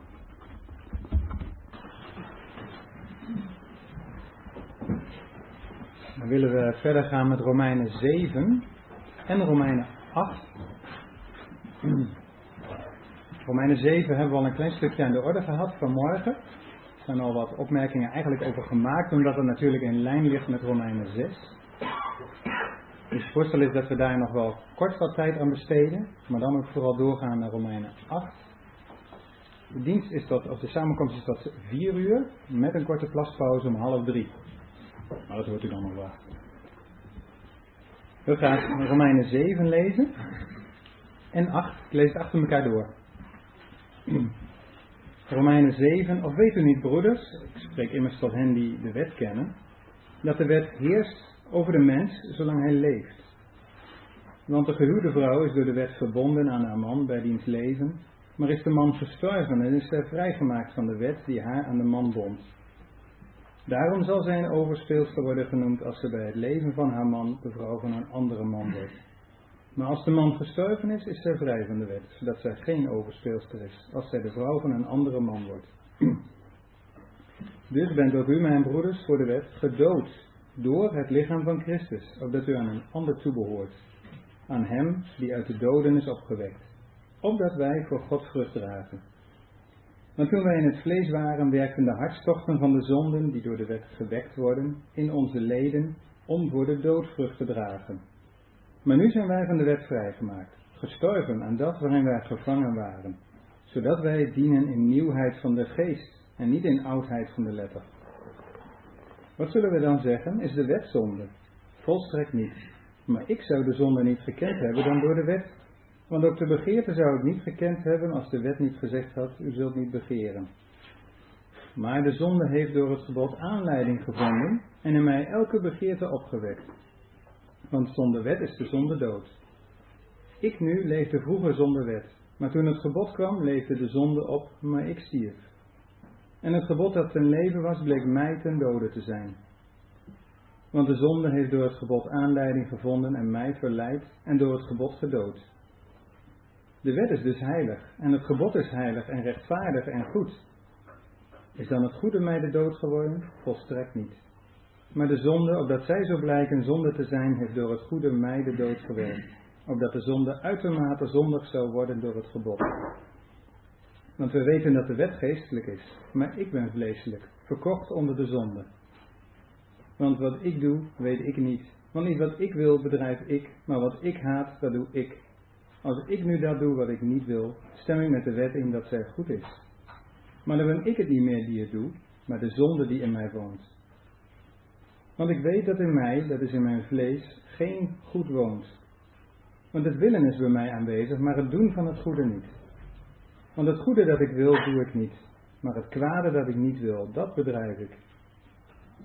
Als ik nu dat doe wat ik niet wil, dan doe ik het niet meer, maar de zonde die in mij woont. Ik vind dus deze wet voor mij, die het goede wil doen, dat het kwade bij mij voorhanden is. Want ik verlustig mij in de wet van God naar de innerlijke mens, maar ik zie in mijn leden een andere wet die strijd voert tegen de wet van mijn denken en mij tot gevangene maakt door de wet van de zonde die in mijn leden is. Ik ellendig mens. Wie zal mij verlossen uit het lichaam van de dood? God zij echter dank door Jezus Christus onze Heer. Dus ik zelf dien wel met het denken de wet van God, maar met het vlees de wet van de zonde. Nou, hoofdstuk 8, zo is er dan nu geen veroordeling voor hen die in Christus Jezus zijn. Want de wet van de geest van het leven in Christus Jezus heeft mij vrijgemaakt van de wet van de zonde en de dood. Want wat voor de wet onmogelijk was, doordat zij door het vlees krachteloos was, God heeft, doordat hij zijn eigen zoon in een gedaante gelijk aan het vlees van de zonde en voor de zonde heeft gezonden, de zonde in het vlees veroordeeld.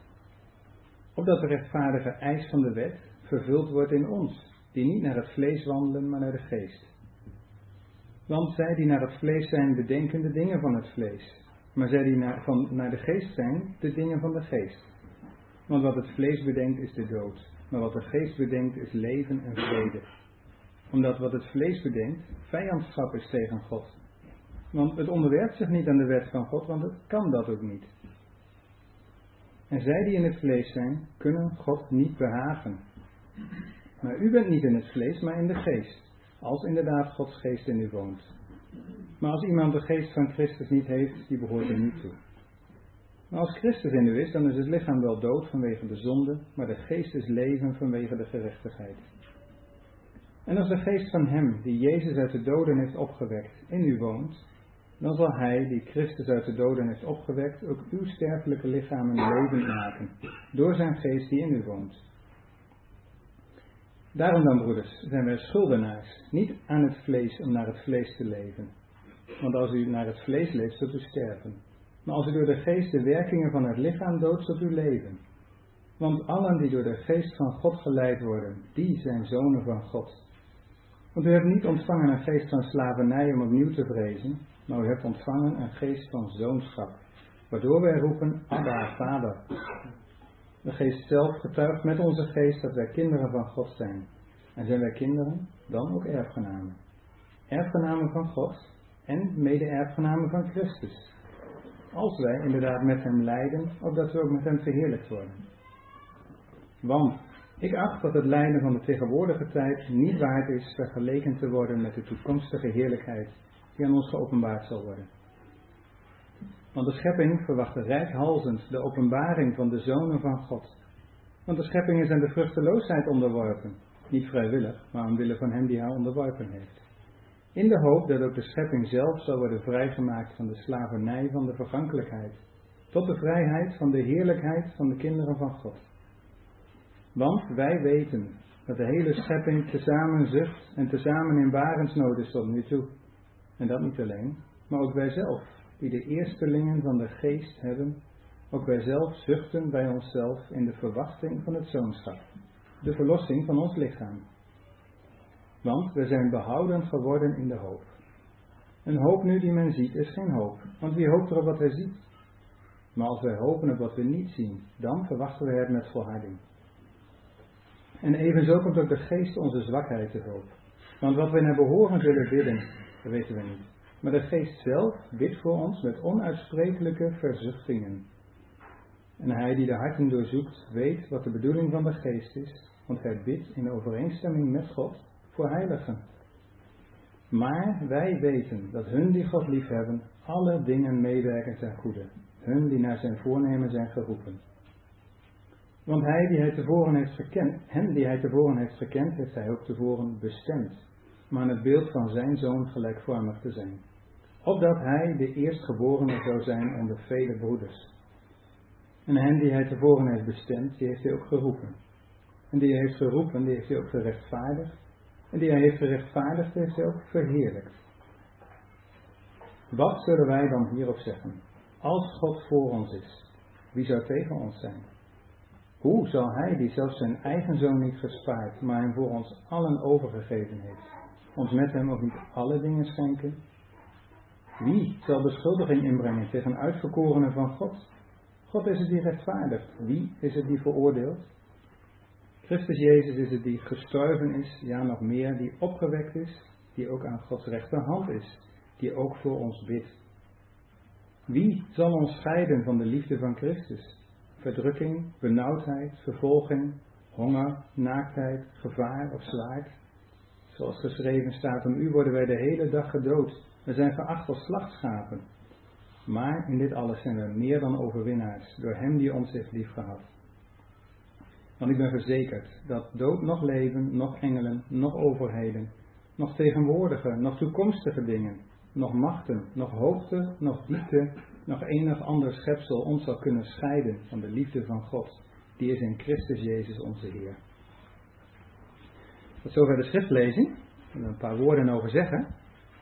Romeinen 7. Is het u opgevallen hoe vaak het woord ik daarin staat? Meer dan 40 keer in ieder geval. Even als voorbeeld, vers 15. 7 vers 15. Want wat ik doe, weet ik niet. Want niet wat ik wil, bedrijf ik. Maar wat ik haat, dat doe ik. En zo verder. Deze persoon is zo met zichzelf bezig. Hij is depressief, hij is helemaal in zijn eigen kokonnetje. Dan ben ik eigenlijk onbruikbaar voor God. En dat is precies de les die hij moest leren. Uit onszelf, nul. God kan ons niet gebruiken uit onszelf. Uh, noemde dat vanmorgen uh, walging. De noodzakelijke gezonde walging van zichzelf. Hij stelde de vraag, kennen we die walging van onszelf? Ja, ik ken hem. En niet eenmaal, maar ik heb er wel vaker last van. Laten we maar gewoon eerlijk zijn. Ik denk van, hè, dan wil ik wat voor de Heer doen, had ik het weer van mezelf verwacht. Nee, Robert, vergeet het. Zoals je bent, kan ik je niet gebruiken. En dan mag je bij de Heer komen en zegt de Heer, maar als je nou in mijn kracht gaat, dan mag je wat doen. Ik ellendig mens. De walging, de gezonde walging die Petrus voelde toen hij de Heer verlogend had. En hij ging naar buiten en hij weende bitter. Wat een gezonde walging was dat van hemzelf, want daardoor leerde hij op de Heer zien. Als je dan kijkt naar hoofdstuk 8, het woord ik komt er maar heel weinig in voor. Maar welke woorden komen er wel in voor?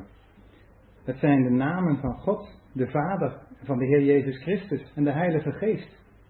Opeens is het blad omgedraaid en dan gaat het om Hem. En dan gaan we nadenken, Heer, wie bent u eigenlijk? En wat hebt u voor een bijzondere plannen gehad? De gouden ketting werd vanmorgen afgenoemd.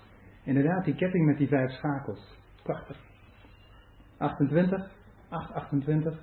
Hun die God lief hebben, God doet alles medewerken ten goede. Daar komen we nog wel op terug. God heeft heel bijzondere plannen. En als we daarvan onder de indruk komen, wat Hij voor bijzondere plannen heeft, dan gaat het niet meer om ik. Dan gaat het er ook niet meer om dat ik het niet kan. Gaat het opeens om Hem. En dat we in Zijn kracht inderdaad vrucht mogen dragen voor God. Zodat Hij de eerstgeborene is onder vele broeders. Broeders, laten we het kort houden. Korte opmerkingen alstublieft. En half drie even een plastak.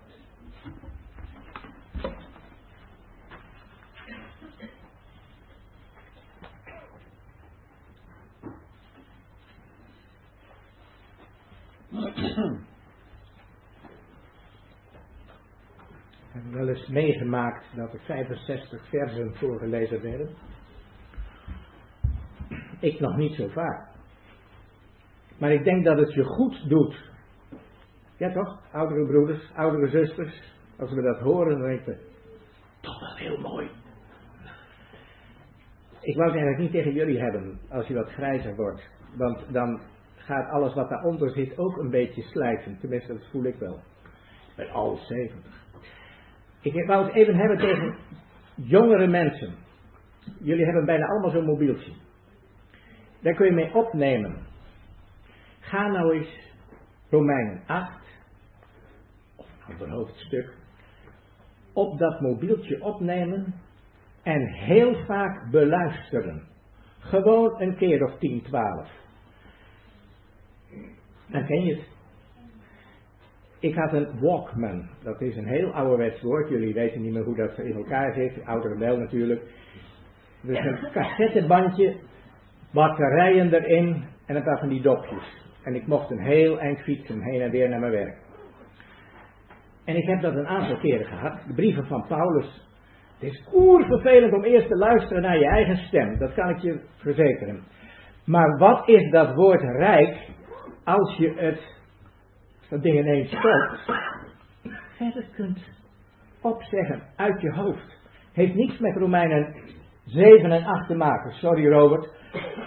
Maar het heeft wel met dat woord van God te maken. Als het in je zit, als je kent by heart, hoeft niet vertaald te worden, dan gaat het er nooit meer uit. Ook als dat benul een beetje aan het slijten is.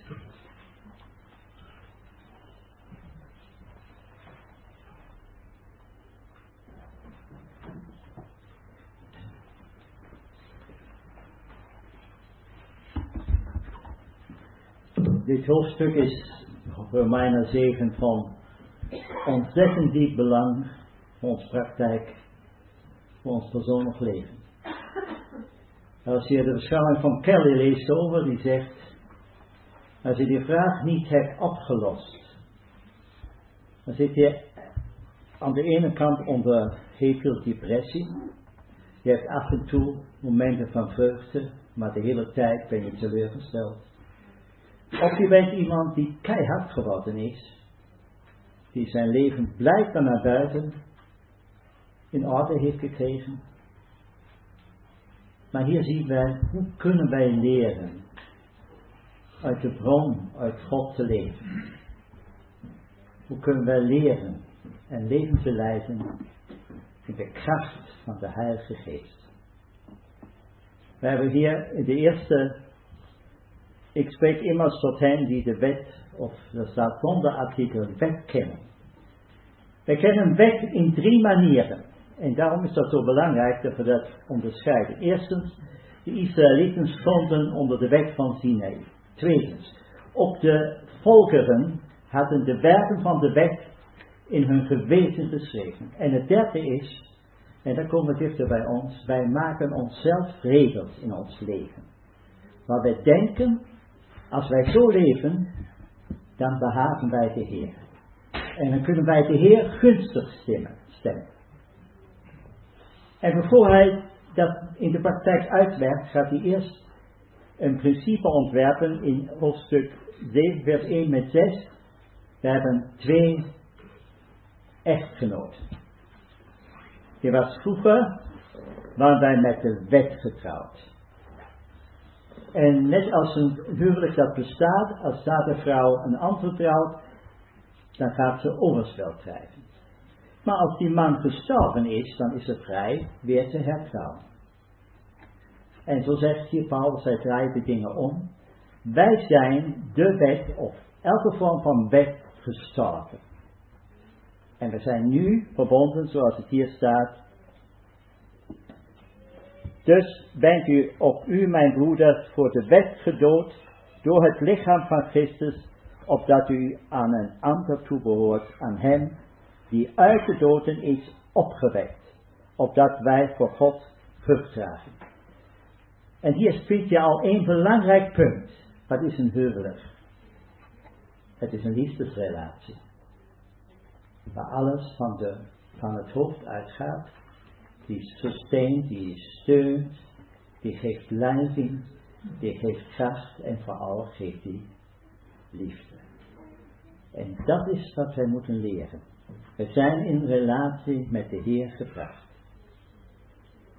Nou, in de volgende versen, en dat is heel belangrijk, vers 7 tot en met 11, zeggen, maar de wet, is de wet slecht? Nee, de wet is van God en dat is het moeilijke. Wij kunnen goed begrijpen dat wij de zonde moeten dood zijn. Want dat is dood Maar die wet is van God gegeven. Maar dan gaat hij duidelijk maken wat de wet openbaar maakt. De wet maakt openbaar wat de karakter van de zonde in ons is. Het staat in In vers 13. Maar de zonde, opdat zij zou blijven zonde te zijn. Dat wordt openbaar.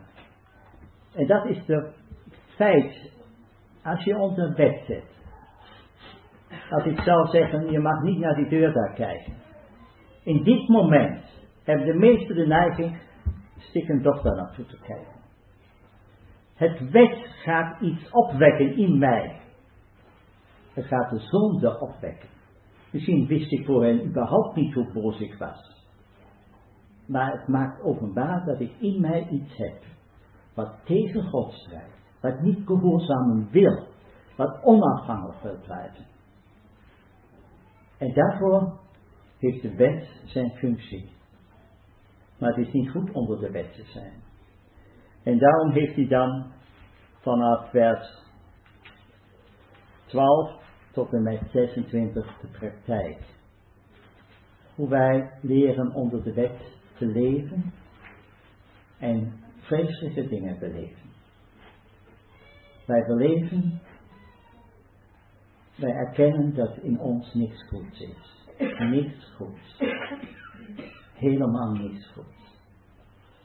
Het tweede is dat wij leren kennen is dat in ons twee krachten werken. Dat is een ik dat wil de God gehoorzamen en dat een ik wat de zonde verhoorzaamt. En het derde, en dat is het zwaarste. Wij voelen, wij hebben geen kracht. Als de macht van de zonde in mij opkomt, hebben we geen kracht daartegen aan te gaan. En het helpt ons soms in het leven van Abraham te kijken. Abraham wil de vrucht voor God brengen. Hij wacht op een zoon. Mogen we niet zeggen, we willen de Heer gelijk worden. Maar hij kon niet wachten en dan neemt hij Hagar. En die vrucht die daaruit kwam was een Ismaël. Eén tegen alle en alle tegen één.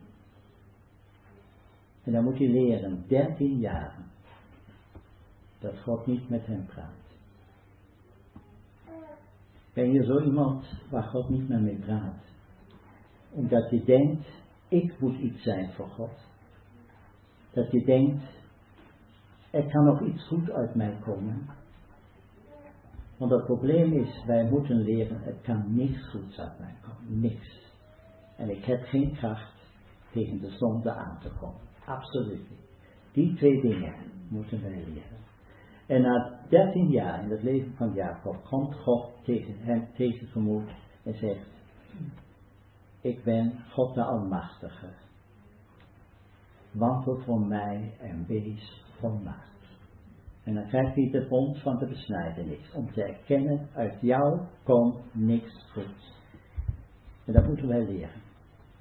En ik denk dat het een smartelijk proces is.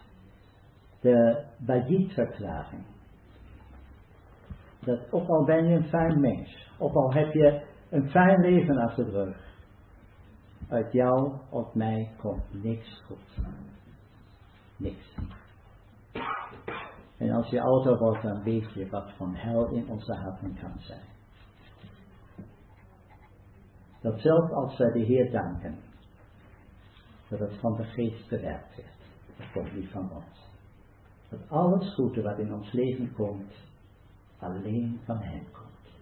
Elke goede gedachte, elke goede daad komt alleen van Hem. En dat te leren, en ook de kracht te begrijpen die van Hem moet komen, dat is zo moeilijk. En ik hoop dat we iets daarvan begrijpen.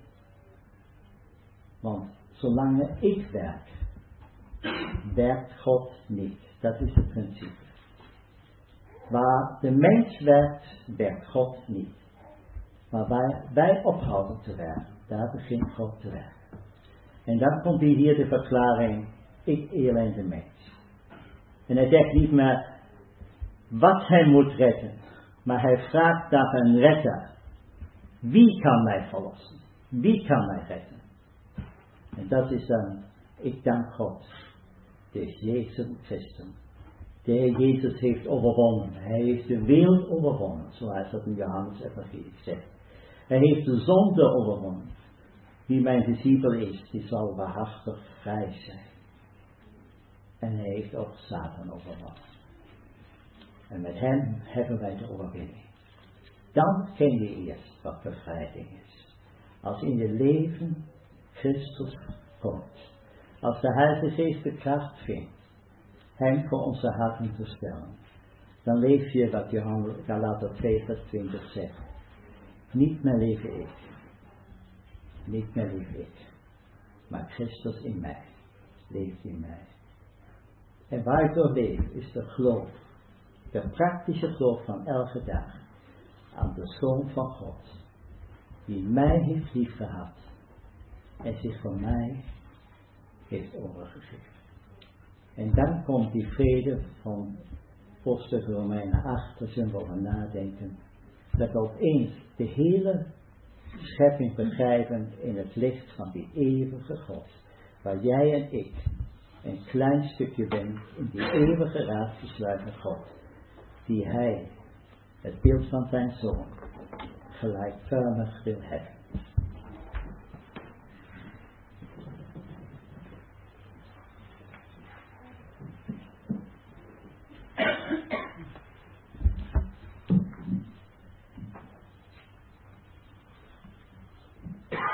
Toch een, uh, de behoefte om uh, onderwerp wat we met elkaar over denken, Romeinen 6, 7 en 8, te verbinden met de praktijk. In die zin dat we, dat we kijken, dat we begrijpen het belang ervan.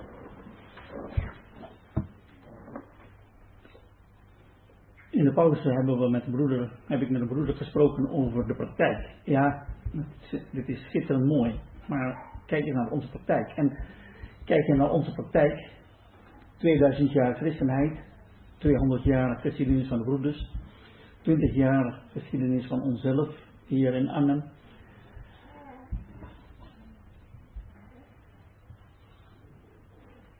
Dat lopen de tranen je in de ogen. Dan. Uh, en heeft een broeder ooit gezegd: 90% van de verdeeldheidsscheuringen onder gelovigen. Dat komt niet door lichtsterke dingen, maar dat komt door karakter Eigenlijk kun je zeggen door het vlees. Eigenlijk kun je zeggen door Romeinen 6, 7 en 8. Voelt u het belang van, van Romeinen 6 en 7 en 8? De geschiedenis van de christenheid en van de broeders en van onszelf zouden anders geweest zijn als wij meer leven in overeenstemming met Romeinen 6, 7 en 8. Het thema, kun je zeggen, heeft te maken met aan de ene kant dood zijn en aan de andere kant leven zijn. Nieuwheid des levens. Dood zijn. Um, iemand heeft ooit gezegd: christelijk leven is een christenlijk te zijn. Christelijk, christenlijk. Je bent dood, maar je gedraagt je niet als een dode.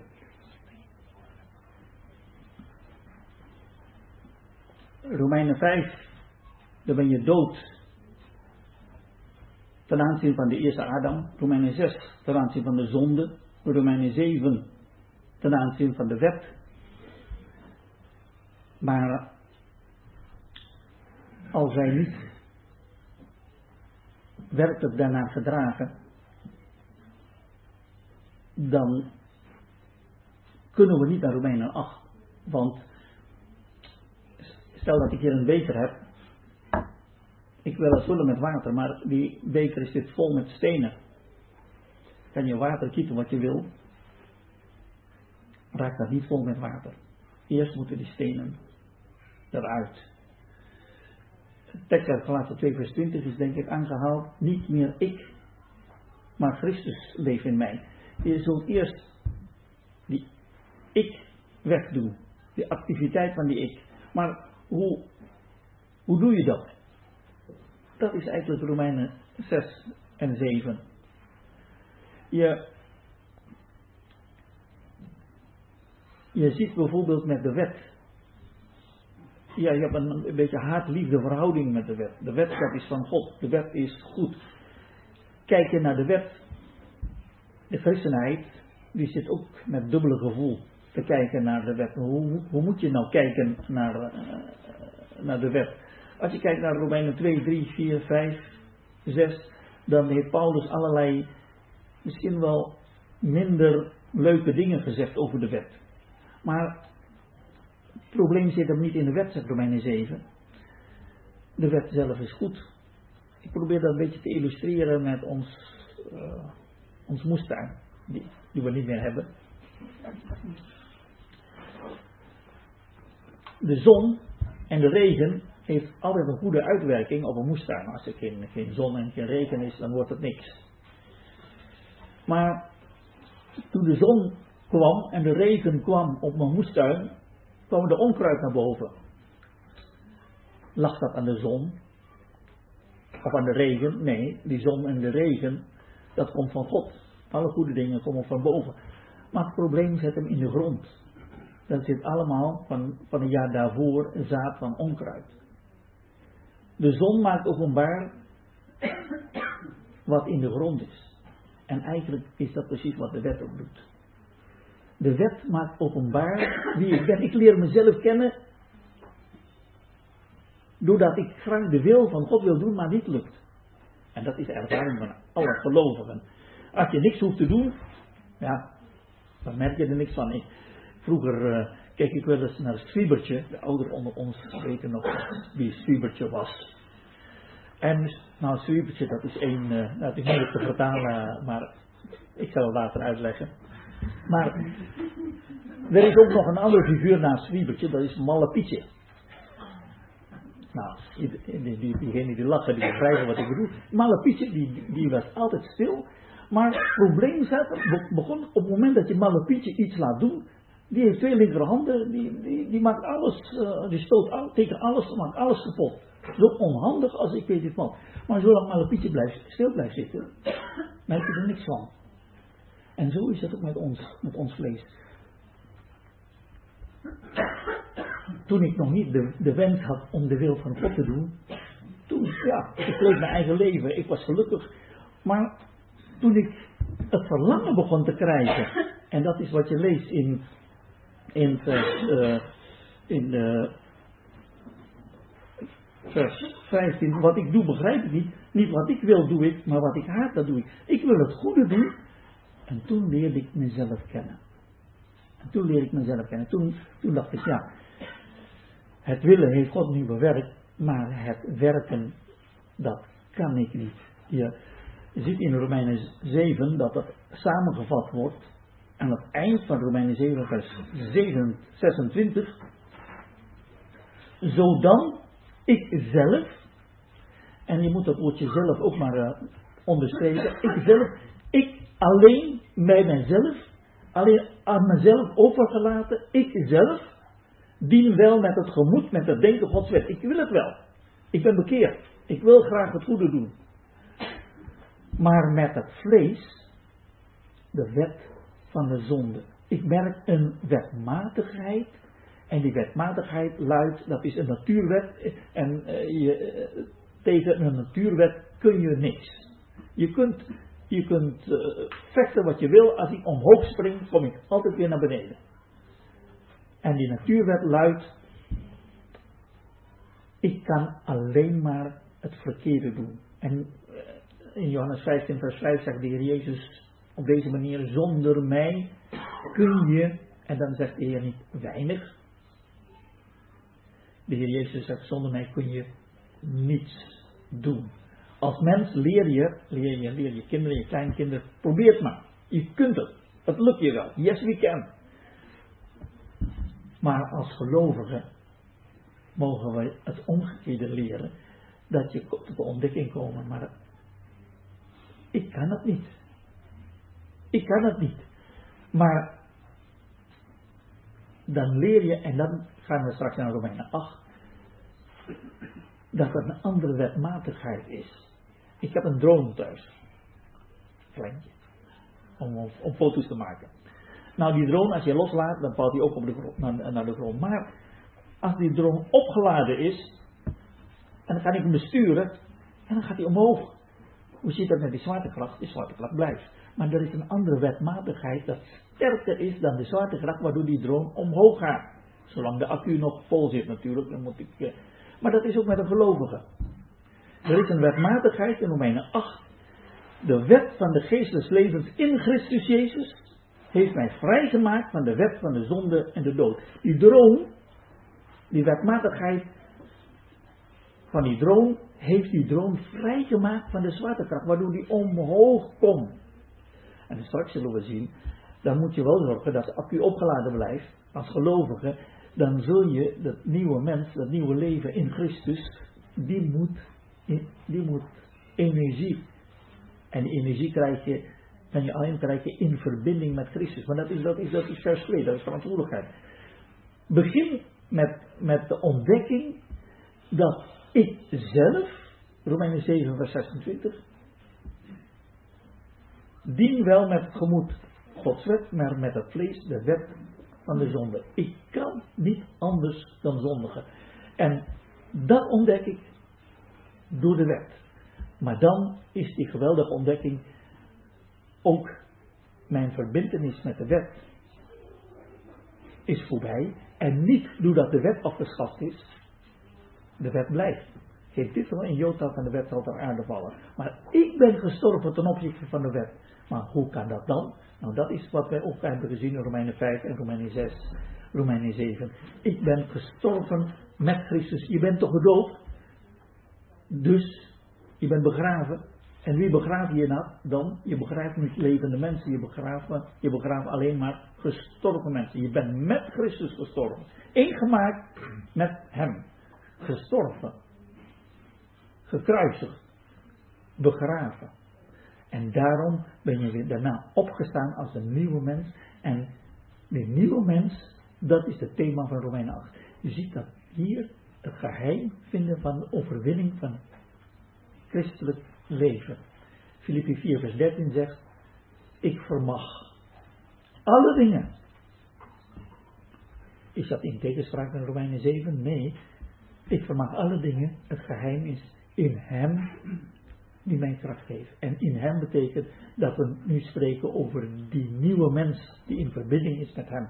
Wat dat betreft, als we straks naar huis gaan, zijn wij niet meer, uh, we kunnen niet meer in depressie of in verdrietig of ter neergeslagen naar huis gaan, maar we mogen met hoofd omhoog, opgeheven hoofd, naar buiten gaan met de gedachte, wat zijn wij rijk geworden in hem. Wat zijn wij bevoorrechte mensen. Die grote God van eeuwigheid heeft alles gegeven wat nodig is voor ons om hier een overwinnend christelijk leven te leiden tot eer van zijn naam.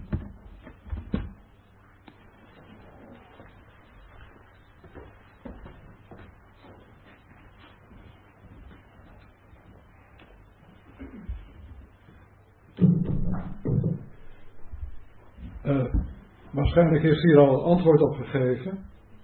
Maar ik heb toch een vraag. En ik denk niet dat ik daar alleen mee zit. Anders zou ik het voor mezelf hebben gehouden. Maar ik denk dat het wellicht ook voor een, al is maar één persoon, wellicht ook belangrijk is. Als ik het even mag resumeren, wellicht heb ik niet goed opgelet. Je kan uh, je vlees laten werken. Dat is gewoon de natuurlijke mens, zoals die bestaat. Je kan ook door de wet gaan zien wie je zelf bent. En doordat geweten levend is geworden, wil je als gelovige leven zoals God dat wil. Daar hebben we ook bij stilgestaan. Je merkt, ik kan dat niet. Je moet die ervaring krijgen dat je uit eigen kracht daar niet toe in staat bent. Maar daar zijn we er nog niet. We hebben het erover gehad. Dat God die kracht wil geven.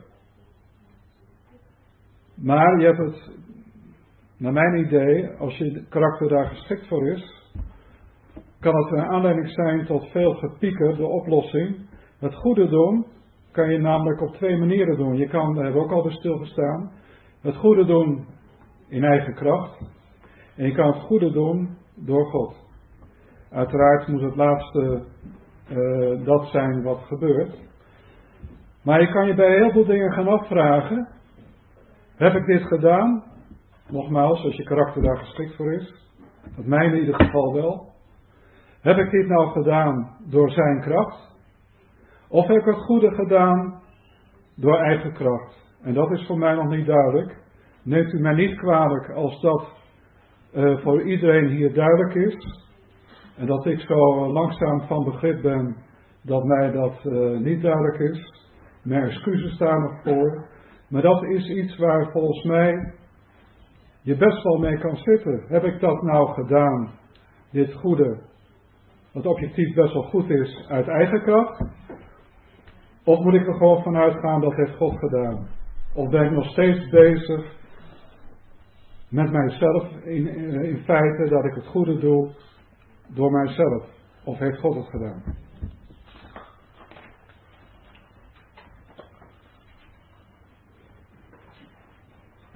Mag ik daar een paar dingen aan zeggen? Ten eerste herken ik de worsteling. Ik heb er zelf jaren mee, mee lopen worstelen. Waar komt het vandaan? Doe ik het? Doet de Heer het? En uiteindelijk heb ik mijn antwoorden gevonden in twee teksten die ik al voor me had liggen voordat jij opstond. Is Jeremia 31. In vers, um, vers, vers 33.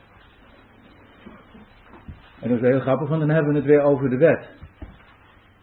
En ik denk dat uh, met het spreken in Romeinen 6, 7 en 8 wordt heel vaak de wet genoemd.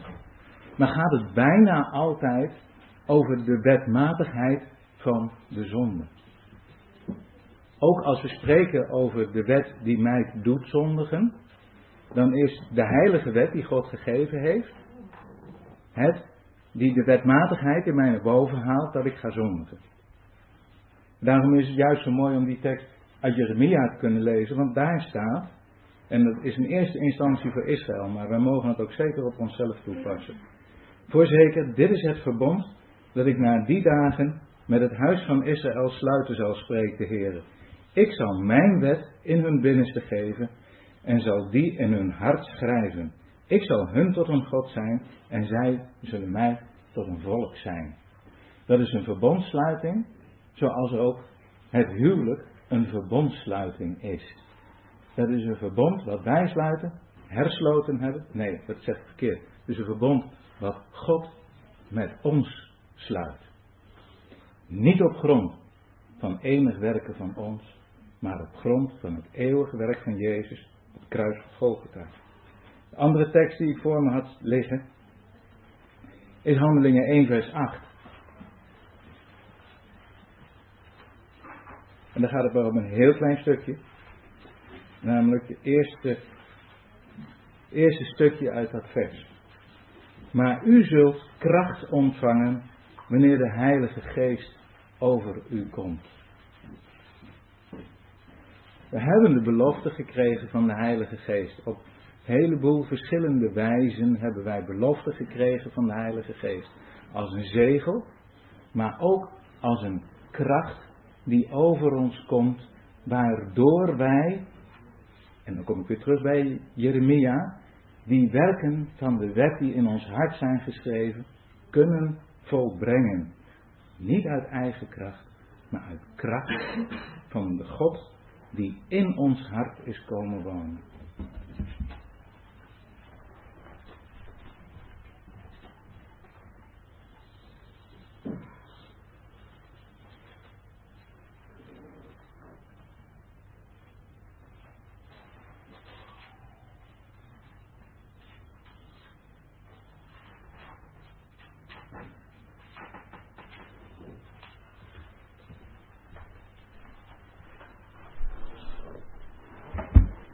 wat ik tot dusver heb gehoord, roept dan bij mij nog weer een vraag op. Want we hebben het gehad over de wet die, uh, die zonde doet kennen. We hebben het gehad over onze neiging om dan in eigen kracht die wet te gaan doen, waardoor we juist tegen onszelf aanlopen, ontdekken dat er in ons vlees niets goeds is. Maar er is natuurlijk nog een, een andere partij, eh, een andere macht aan het werk in dit gedeelte. En dat is wat, eh, wat hier dan de zonde heet. Ehm, als je leest in vers 7, ik zou de zonde niet hebben leren kennen, dan is die zonde de overtreding van Gods wet.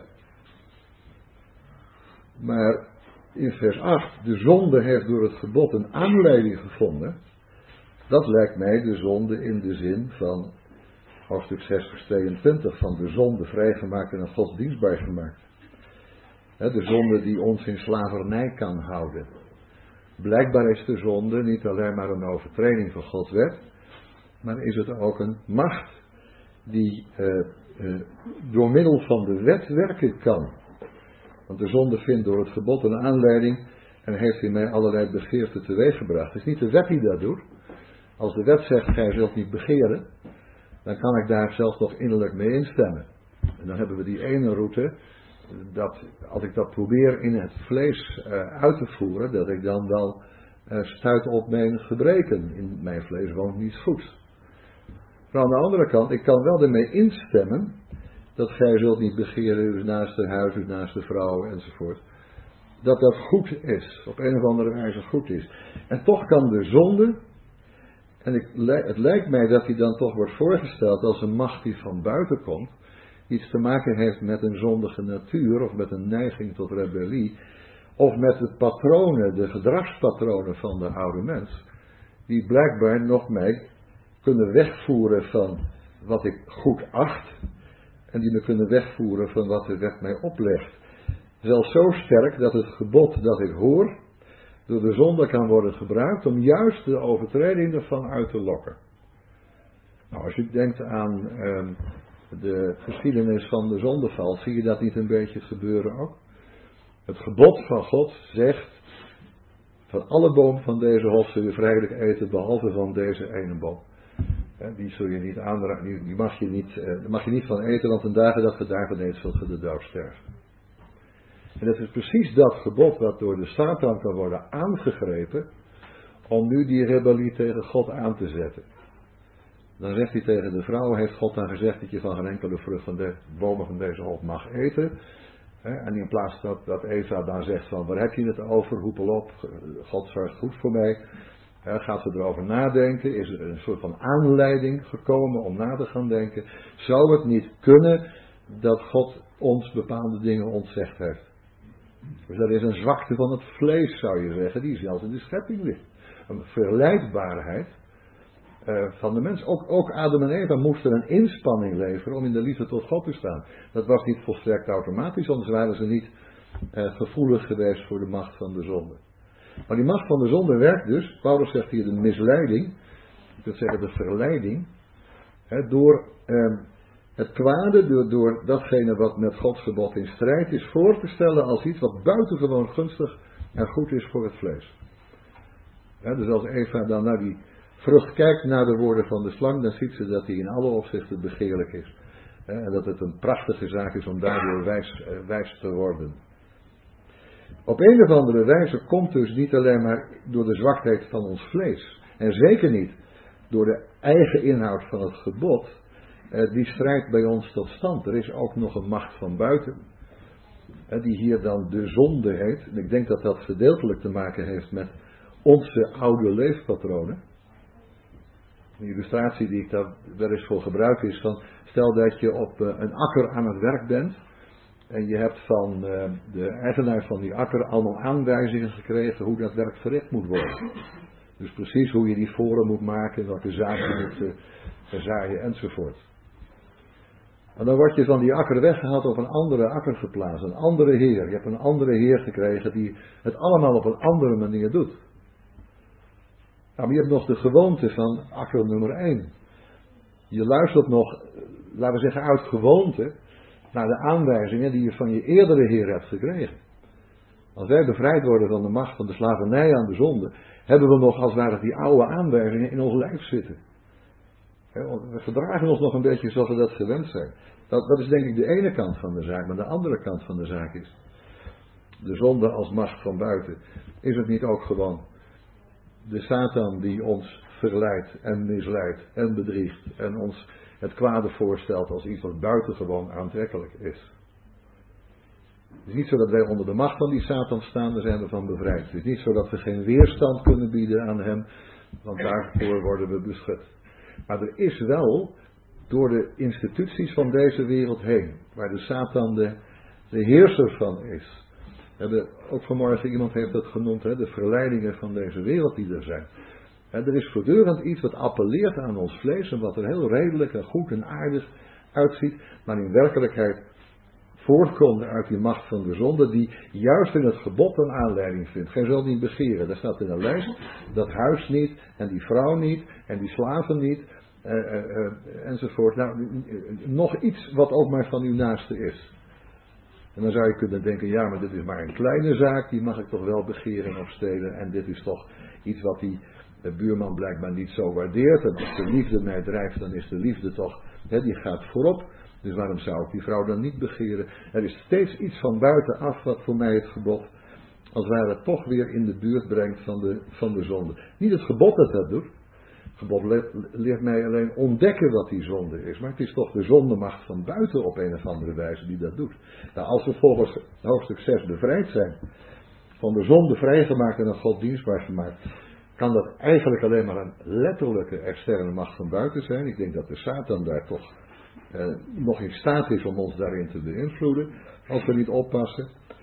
En ten tweede dat het die oude gewoonten zijn, die vanzelfsprekendheid van een, leven buiten God om, wat ons op deze wijze nog uh, parten kan spelen. Maar het is dus niet voldoende, denk ik, om alleen te spreken over de wet die zonde openbaart en het vlees dat uh, geen goed heeft.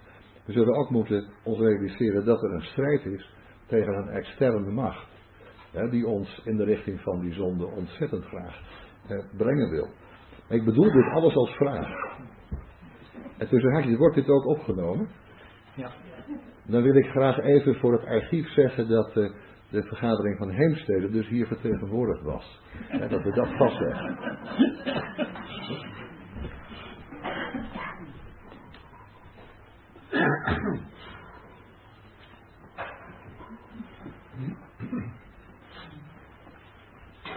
Hebben gevraagd, korte, korte opmerking. Ik heb nog vijf minuten.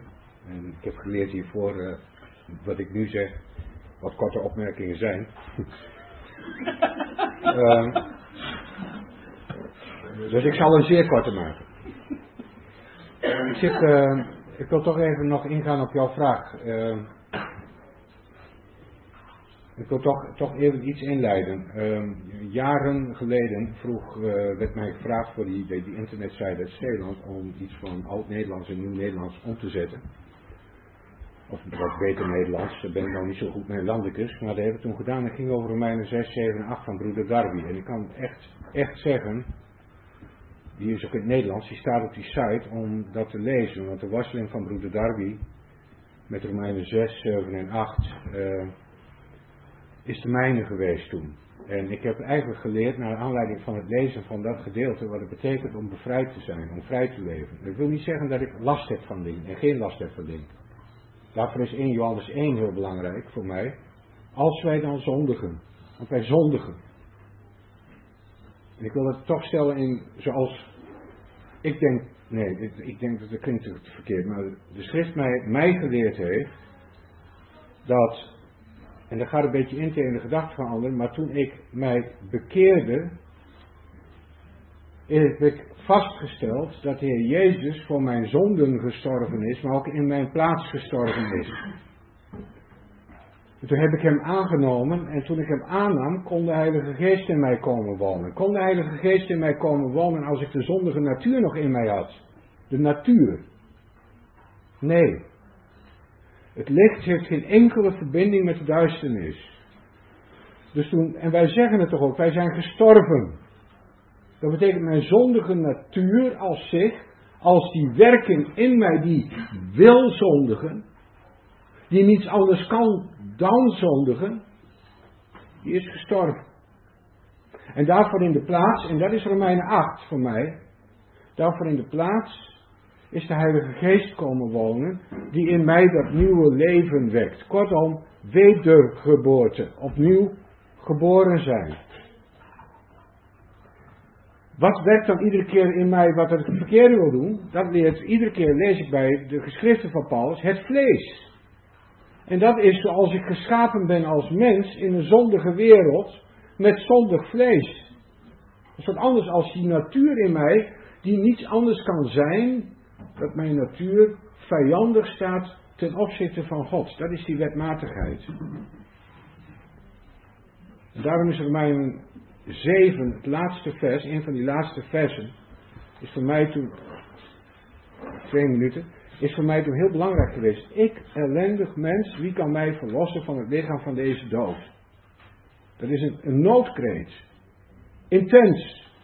Van iemand die nog niet weet wat het betekent om wedergeboren te zijn. Dat is volgens, voor zover ik weet, ik ben er niet heel erg goed in uh, gelezen, maar ik geloof dat het voor broer Darby tien jaar ongeveer geduurd heeft voordat hij deze strijd achter zich kon laten door Romeinen 8 vers 1 te accepteren. Waar staat dat de, wetmaat, de wet van de geest van het leven, dus die geest van het leven die in mij woont, dat is een wetmatigheid. En van daaruit mag ik leven. En dat betekent dat ik mijn leven mag stellen onder zijn leiding. En dat is het zwart en wit van Romeinen 7 en Romeinen 8. Dat is echt zwart-wit in het leven van een gelovige. Romeinen 7 is die gelovige echt bekeerd. Hij heeft de Jezus aangenomen. Maar hij wil het goede doen uit eigen kracht. En Romeinen 8, daar staat iemand die het heeft uitgeroepen. Wie zal mij verlossen uit het lichaam van deze dood? En dan komt meteen het dankgebed. De acceptatie dat de Heer Jezus het werk volbracht heeft, volledig volbracht heeft op het werk van, op het kruis van Golgotha, waardoor ik kan leven in vrijheid door de geest. Zondigen wij niet? 1 Johannes 1. Als wij dan zondigen. En als wij zondigen, moeten wij in beleiden. Maar wat gebeurt er dan? Dan mogen wij, is die relatie met de Vader als het ware verstoord. Dan staat er, want de Heer Jezus is het zoenoffer voor mijn zonde. Ik zie dat altijd zo, dat God mij dan voorhoudt, Herm. Je brengt die zonde, de Vader houdt mij dat voor, je brengt die zonde bij me. Maar kijk eens naar mijn zoon, hij is voor die zonde van jou gestorven.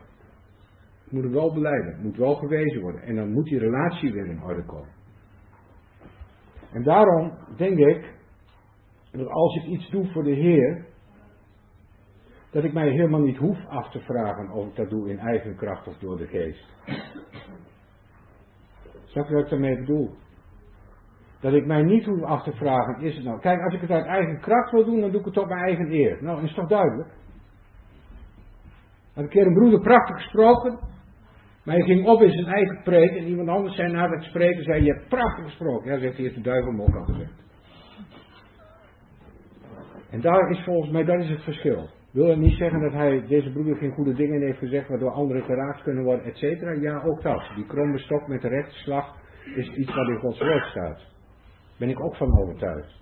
Maar toch, en ik wil dat toch meegeven, uh, die, ik heb het zelf als een kramp ervaren deze gedachte. Doe ik hier uit eigen kracht. En ooit een keer een broeder uit Duitsland, hij was ons van de die wat charismatische beweging, maar die leerde mij, man moest etwas lokker zijn. En daarmee bedoelde hij, daar bedoelde hij, wij moeten uit die kramp en wij moeten Gods geest in ons toelaten om in ons te werken. En dan wordt het leven die kramp niet. Ik wil nog één ding zeggen. Uh, ik heb wat, wat dingetjes op mijn werk en zo, die mij best wel s'nachts eventjes wakker doen liggen. Uh, het is niet zo als ik hier van hier, hier naar huis ga, dat ik vannacht niet wakker lig. Dus dat er best wel zorgen kunnen zijn, waardoor wij onder spanning kunnen liggen en waardoor wij echt wel dingen kunnen hebben. Dat we zeggen, we houden ons met deze hoofdstukken bezig en we kunnen ons verblijden daarin. Maar dat wil niet weg, ik wil het toch even zeggen, dat wil niet wegnemen dat we best ook onze zorgen nog wel weer mee naar huis kunnen nemen, we ze bij de Heer kunnen leggen en ook misschien onze psychische noden toch echt best wel blijven en kunnen blijven bestaan. Maar we weten wel wie over alles waakt en over alles is. Ik wil dat toch eventjes zeggen. Omdat ik misschien, misschien wel dan in de, in de verleiding kunnen komen van ja, eh, mijn nood en mijn zorg is er nog steeds. Eh, heb ik dan helemaal niks geleerd vandaag? Ja, je hebt misschien heel veel geleerd vandaag. Maar wie je zelf bent, neem je toch weer mee naar huis. Ik wil dat toch even toch ook als bemoediging ook voor mezelf dan eh, vooral, voor mezelf uh, naar voren brengen. Iemand heeft wel eens gezegd dat als, uh, als de Romeinenbrief een briljant is, dat Romeinen 8 ehm, de schittering is van het briljant. Hier zien wij zo schitterend wat God heeft gedaan als antwoord op die problemen die we gezien hebben in Romeinen 5, 6 en 7. En ik wil graag met name vers 3 even nog een keer lezen. Romeinen 8, vers 3. Want wat voor de wet onmogelijk was, omdat zij door het vlees krachteloos was, deed God, daar hij door zijn eigen zoon in een gedaante gelijk aan het vlees van de zonde en voor de zonde, in verband met de zonde, te zenden, de zonde in het vlees heeft veroordeeld, opdat de rechtvaardige eis van de wet vervuld zou worden in ons, die niet naar het vlees wandelen, maar naar de geest.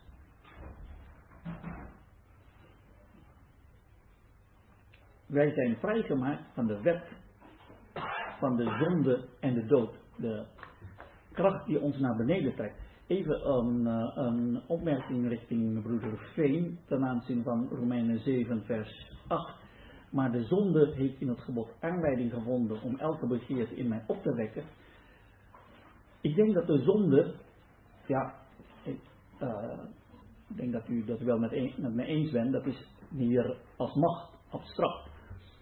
Maar meestal is de zonde, die zonde macht toch verbonden met het vlees en dat is, dat is een macht dat wordt voorgesteld van binnenuit.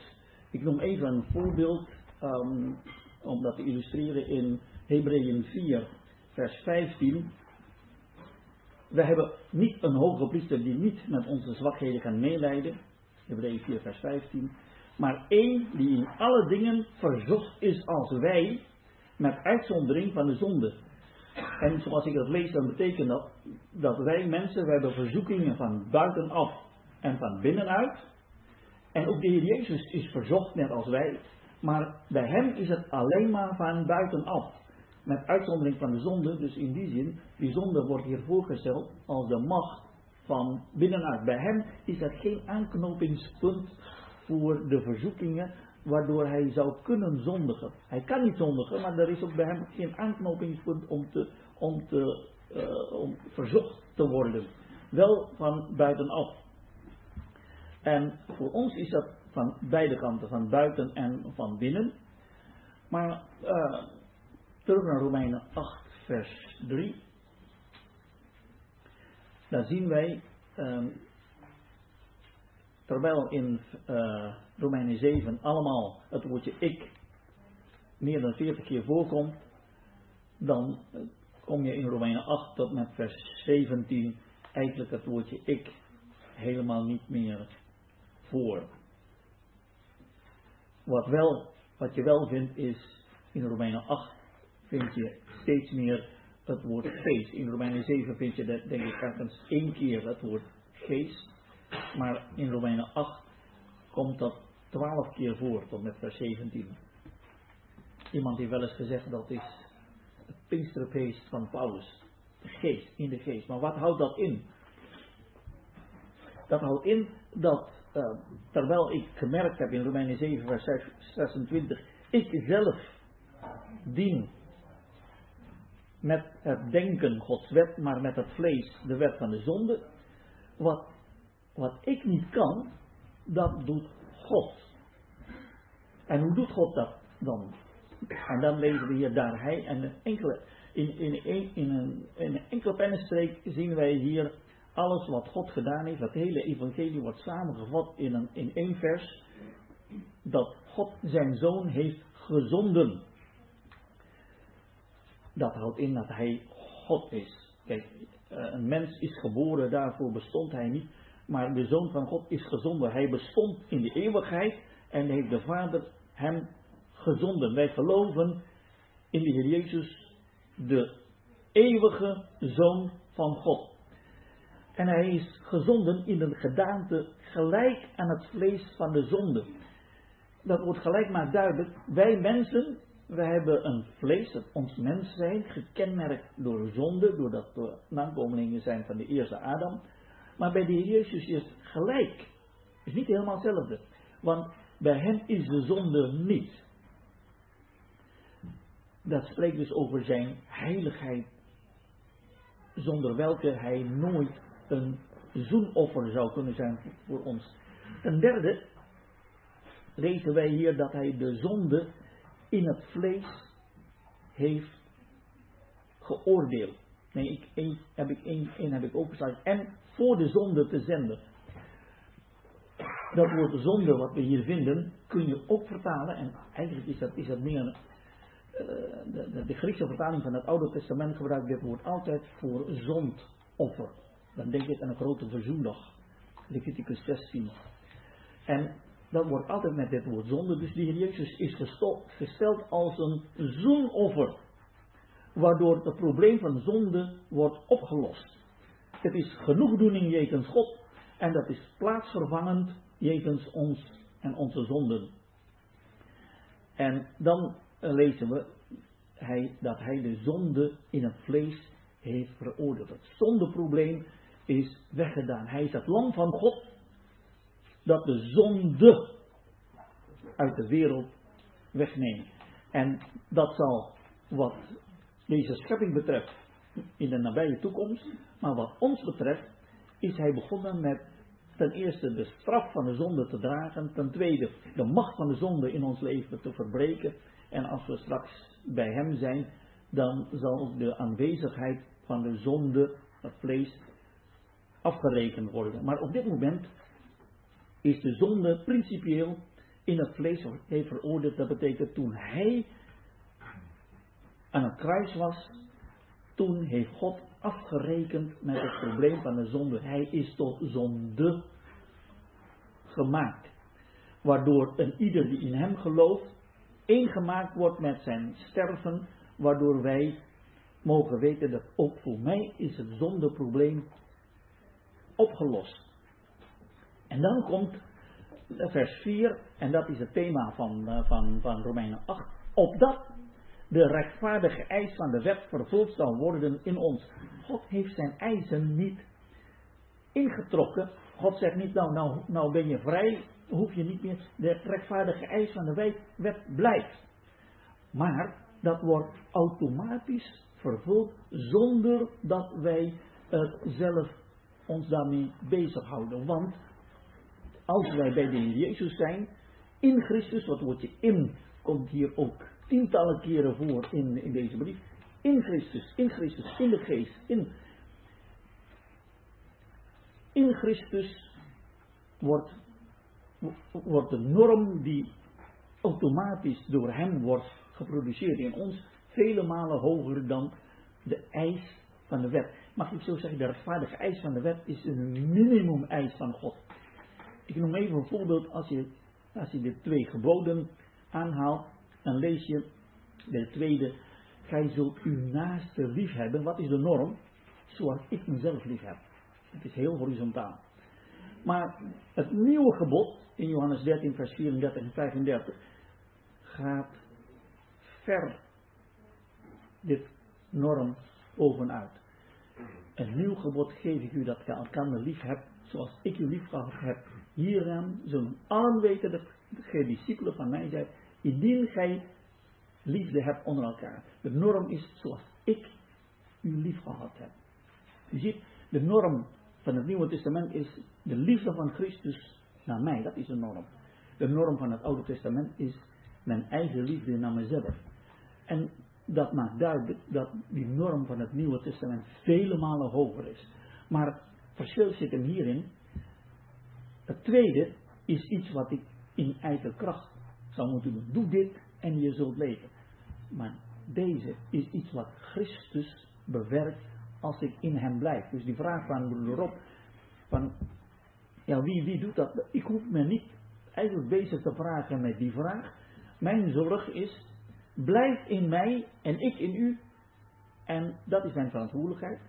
En wat de Heer beloofd heeft, en gij zult vrucht dragen. Dus die rank mag ik zo zeggen, die hoeft niet te kijken naar de vrucht, want ik moet vrucht produceren. En is dat nou mijn eigen kracht of is het kracht van de Heer? Nee, ik mag bezig houden met de persoon van Christus, om hem te kennen, zegt Filippi 3, en de kracht van zijn opstanding. Als ik daarmee bezig hou, zorgt de Heer dat zonder dat ik in de gaten heb, dat er vrucht komt. Dat zijn niet meer werken van mij. Het zijn vruchten. Vruchten betekent iets wat de wijnstok doet door middel van de rank. Maar dan, als gelovige mag je, mag je dan ook zeggen, als er iets goeds in mij is, door genade, zegt Paulus, ben ik geworden wat ik geworden ben. Alles is uit hem. Als de Heer ooit zou zeggen tegen, tegen mij, goed gedaan, gij getrouwe slaaf, dan zou ik moeten zeggen, ik heb het niet gedaan. Ik heb het niet gedaan. U hebt het gedaan door mij. Als hij een kroon van overwinning zou schenken, dan zou ik zeggen, ja maar ik heb niks gedaan. Die kroon, dat behoort u toe. U hebt het gedaan. Als David iets geeft aan de Heer, Heer, wat kan ik geven dan wat ik eerst van u ontvangen heb? Alles is van u, alles is genade. Maar dat is het verschil, denk ik, met, met het christelijk leven. Christelijk leven is niet, we leven in een prestatiemaatschappij. We moeten dat doen en dat doen. En, en onze, de waardering van ons persoon is te maken met onze prestatie. Als je niet meer kunt presteren, aan de kant. Een christen heeft niet, niets te maken met prestatie. Voor mij, zegt Paulus, is het leven Christus. Ik zorg dat, dat die relatie met Christus er is. Dat is Romeinen 8. En Christus zorgt dat in mijn leven iets wordt geproduceerd. Wat Christus doet in mij, dat is vele malen hoger dan wat de wet kan produceren. Een voorbeeld, en daar stop ik dan mee, Efeze 4. De wet zegt, gij zult niet stelen. Elke keer als ik met mijn hand iets wil pakken, nou, als ik kleptomaan ben, dan heb ik een probleem. Maar Efeze 4 maakt duidelijk, wie een dief is, stelen niet meer. Maar dan, dan komt de norm van het Nieuwe Testament om de hoek. Efeze 4, vers 28. Laat hij die een dief was niet meer stelen. Dat is Oude Testamentisch. Rechtvaardig eisen van de wet. Maar het Nieuwe Testament is veel eer arbeiden. Handenarbeid. Met zijn eigen handen het goede werken. Opdat hij kan meedelen aan hem die gebrekt heeft. Dat wil zeggen, in plaats van bezig te houden van gij zult niet stelen, gij zult niet stelen. Gaat de christen nu met zijn handen werken en die hand die gewend is om te stelen, gaat nu geven. Hij heeft geen tijd meer om, om te denken aan stelen. Ijdelheid is des duivels orkus. Als je niks te doen hebt, dan gaat dat fout. Maar als je bezig bent met de dingen van de Heer, Romeinen 8, dan zorgt de Heer dat het goed komt. En christelijk leven is niet saai. Hè? Kijk naar wat Daniel net gezegd heeft. Het is jagen om Hem steeds beter te leren kennen en de kracht van opstanding. Filippi 3.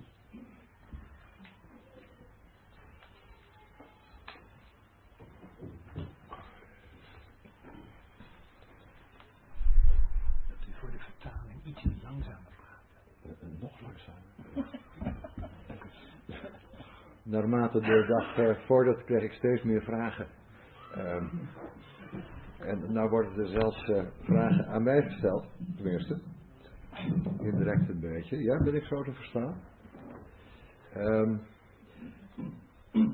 dat, dat woord zonde daar zondoffer zou betekenen, dat, dat ziet niet helemaal. Het is hetzelfde woord wat uh, steeds zonde wordt gebruikt in het Grieks. Het is hamartia, dus dat kun je niet overal met zondoffer vertalen.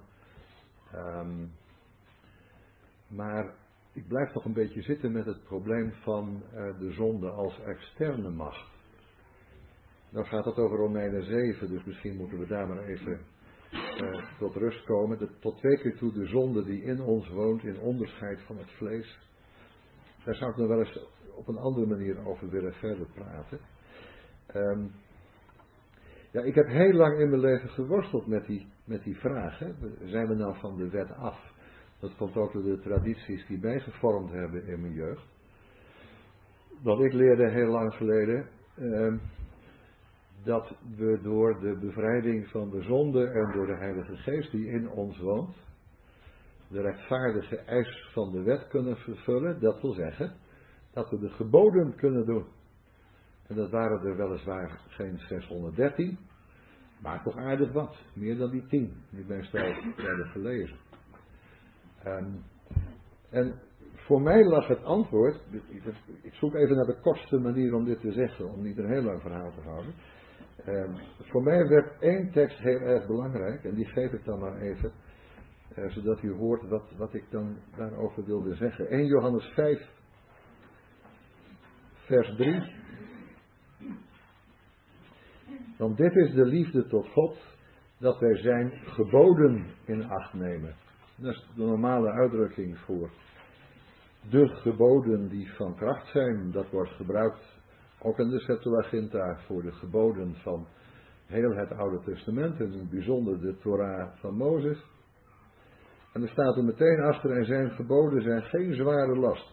Anders dan voor Israël, dat volgens Romeinen eh, 10, eh, de wet van de gerechtigheid nastreeft, doordat ze de geboden opvat als werken. Die dus juist vanuit het vlees, vanuit eigen vermogen gedaan moeten worden.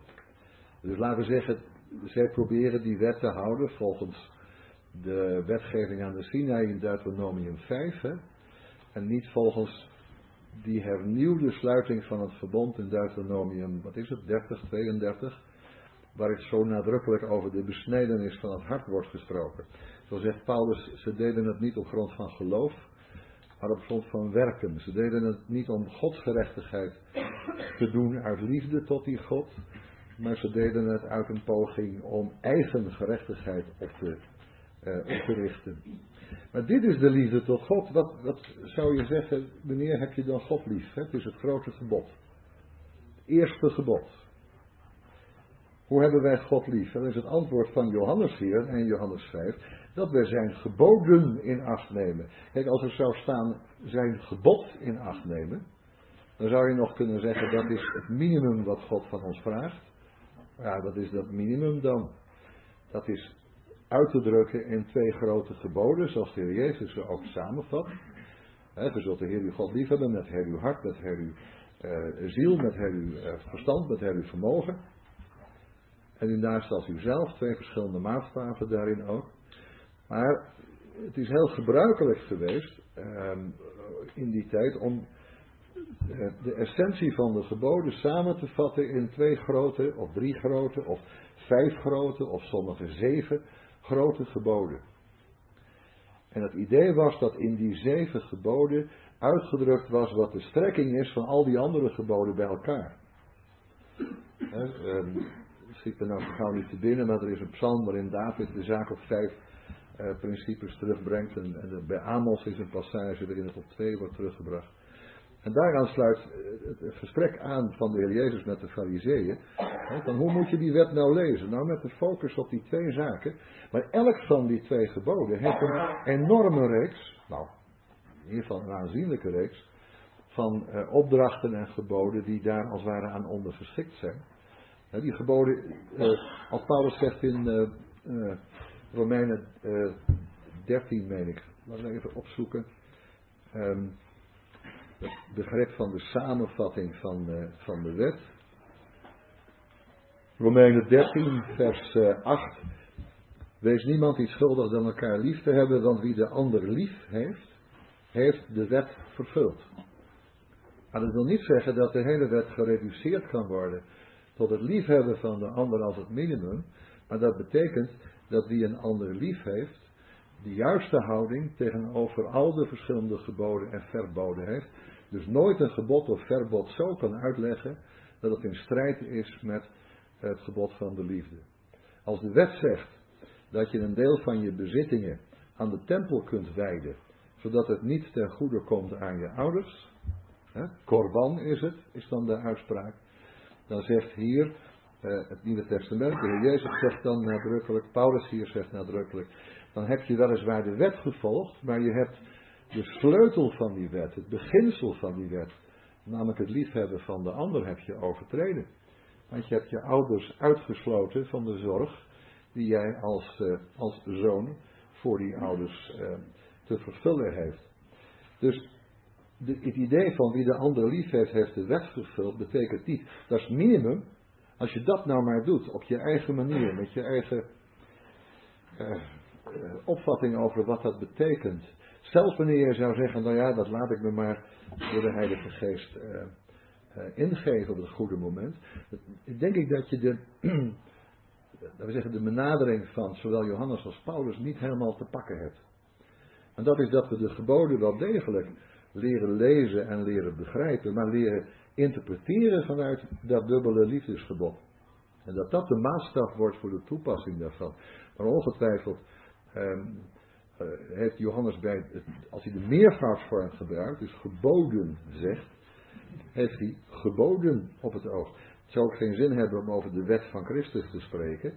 Eh, Paulus heeft die mooie term, hè, dat je, uh, kan ze gauw niet vinden daar straks, misschien met een van de broeders het, uh, dat je in Christus wet bent ingelijfd. Hè? Uh, ingelijfd in, in, Christus wet moet ergens staan.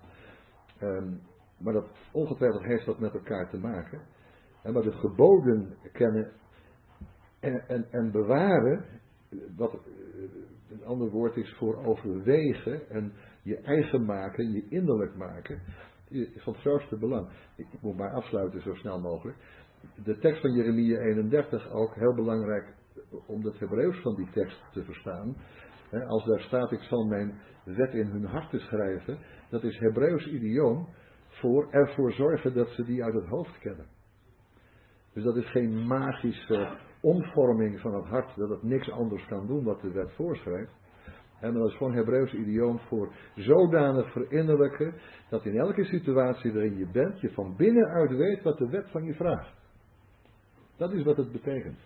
En dat betekent niet dat het hart zodanig veranderd is dat het als het ware automatisch uh, Gods wil doet. Maar ik ben nog veel te lang aan het woord, dus stop daar maar even.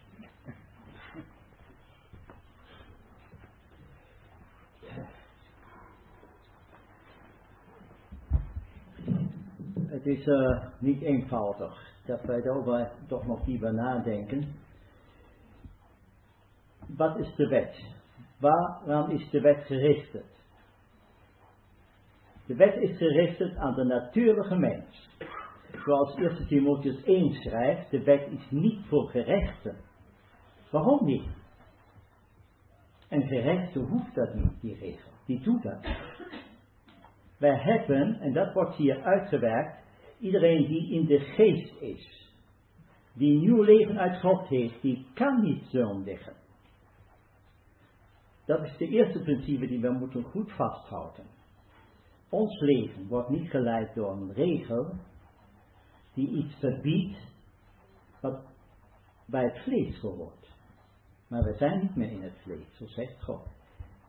Als wij wedergeboren zijn, het evangelie aangenomen hebben in het geloof en de Heilige Geest als zegel ontvangen hebben, zijn we niet meer in het vlees. Geweldige feit. Zo ziet ons God voor eeuwig in de geest. En nu hebben wij als maatstaf van ons leven niet de wet, maar één persoon. Het geheim van de godzaligheid, van echte vroomheid, is God geopenbaard in het vlees. Rechtvaardig in het geest. Opgenomen in heerlijkheid. Een persoon die in ons leven dat werkt. Het tweede ding waarom dat zo principieel is. Waarom willen wij de wet houden? Waarom wil die man in Romeinen 7 de wet houden? Hij denkt, hij kan daardoor God gunstig naar hem toestemmen. Een van de mooiste bijspelen, uh, voorbeelden vind je in Lucas 15. Daar hebben wij de verloren zoon. Hij komt tot bekering bij die zwijnen.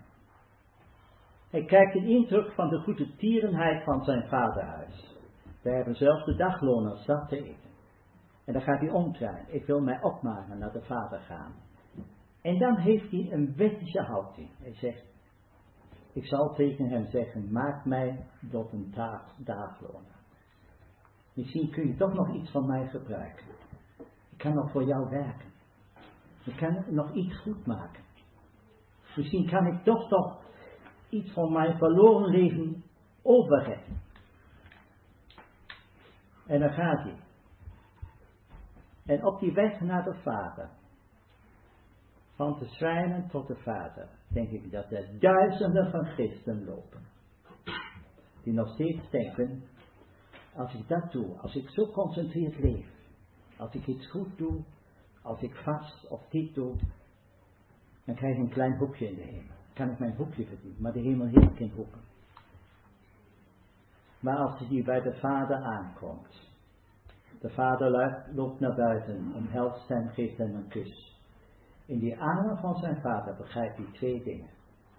Eerstens, zelf als dagleuner. In het huis van mijn vader ben ik niet te gebruiken. Hij ziet het grote verschil. Hij stinkt naar zwijn. Zijn hele kleren zijn vies. Het is alles kapot in zijn leven.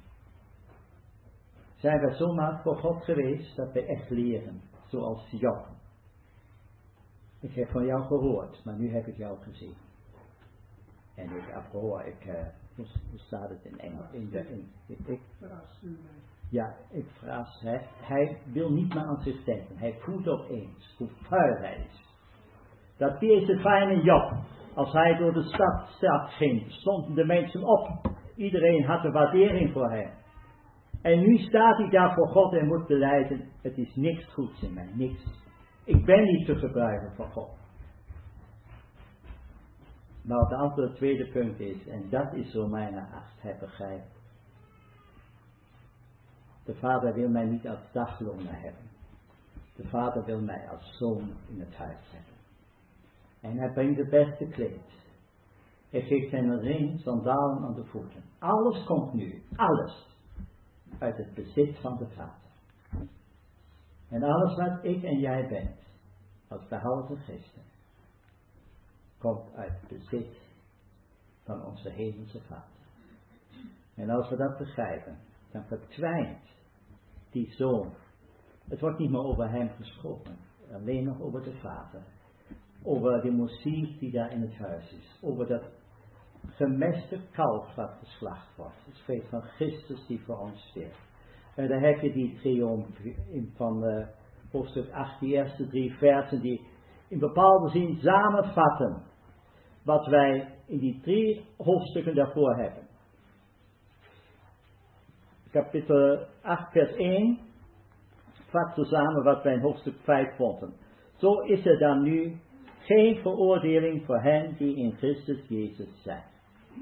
Ja, is er een transfer gebeurd van Adam, die eerste Adam, zijn we naar die tweede Adam gekomen. En nu is er geen verdoemenis meer, voor eeuwig. Johannes zegt, wie uit het dood in het leven gegaan is, die komt nooit meer in gericht. Voor mij geeft het geen gericht meer. Je kunt soms voor het gericht gehoeven worden dat verdacht is en dan word je vrijgesproken. Maar bij, voor ons komt geen aanklacht meer. Nooit meer. Het tweede is dan in hoofdstuk 6. Het wet van het geest van het leven heeft mij vrijgemaakt van het wet van de zonde. We moeten goed oppassen dat leven wat hier genoemd wordt, de geest van het leven in Christus Jezus, is dat wat in Johannes 20 staat, de Heer hoopte in zijn discipelen en zij ontvingen geest. Daar wordt de geest als leven gezien, de drijvende kracht van die leven. En wat doet de geest? De geest stelt ons Christus voor. Daarvoor is hij gekomen. Hij spreekt niet over jou en mij. De Heer, de Geest is hier om onze ogen te richten op de wereld van God. En het derde, dat heeft Tony al getoond, dat is Romeinen 7, wat God gedaan heeft. Dat nu in ons leven de rechtvaardige eisen van de wet vervuld worden. Maar wij leven niet naar de regel, gij zult niet. Ons leven is iets uitleven, wat de geest in ons werken wil. En dan komt die lijn in het geest, in het vlees. En dan waar de geest in werkt. En dan hebben wij de relaties waar de geest ons invoert.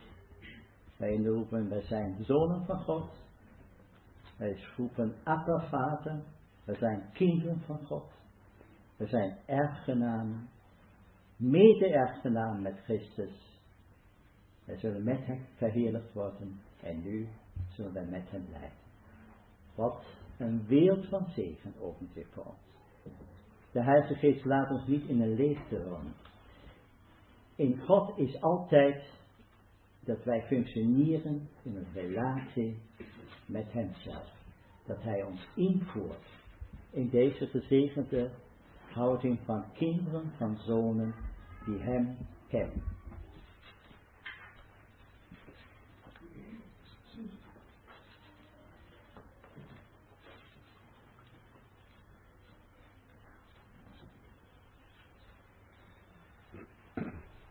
Misschien mag ik hier ook nog even op aansluiten. Ik vind eigenlijk, net wat Tony ook zei, elk is Romeinen 8. De glans en de briljantie van, van, van, die, ja, van die edelstenen. Dus de Romeinen 8 is.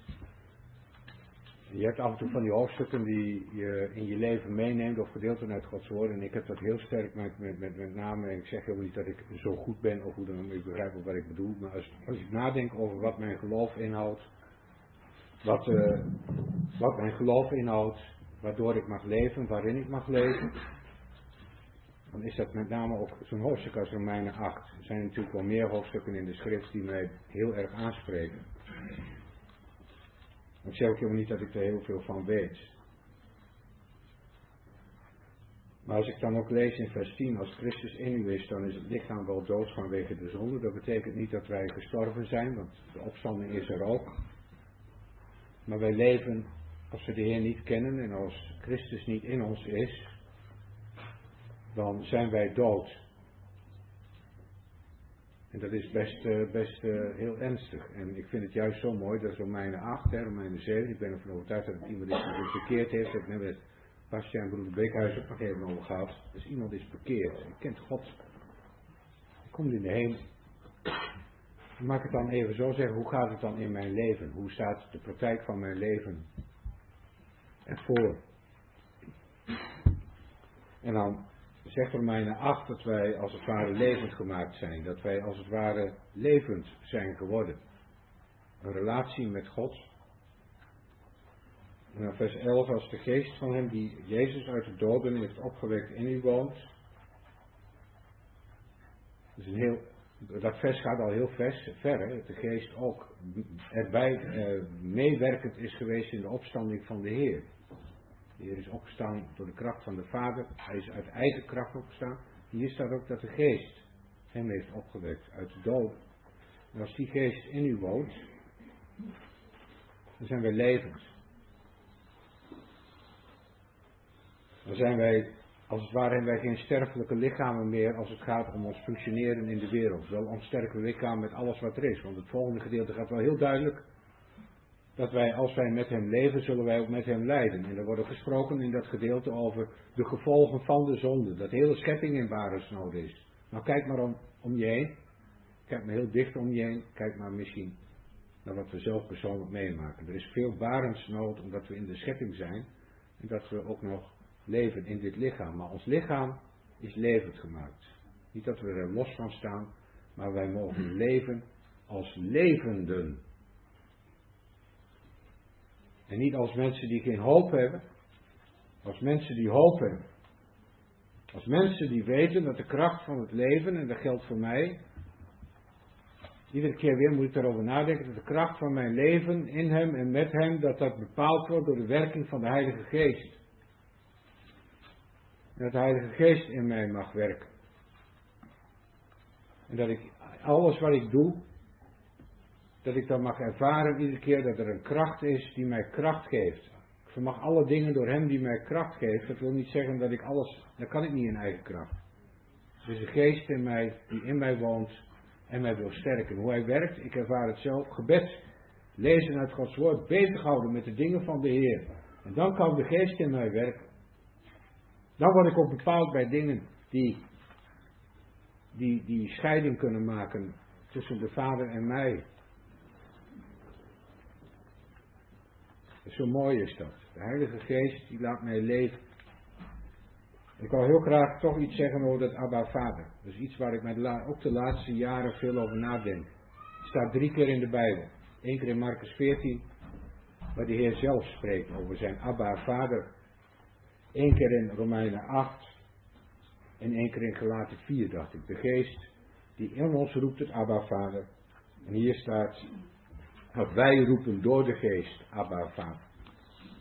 Ik wil niet in die verschillen ingaan, maar de Heer Jezus zelf noemde op een gegeven moment één keer zijn vader Abba, Vader. Weet je wat dat betekent voor mij?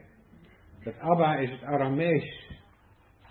Dat is de taal die de Heer Jezus sprak met zijn vader en moeder als kind. En ook toen hij opgroeide, dat is die uitzonderlijk voor ons mensen, die band die hij had met zijn vader en met zijn moeder op aarde. En dat geldt voor ons ook als het goed is dat wij een bepaalde band hebben met onze vaders.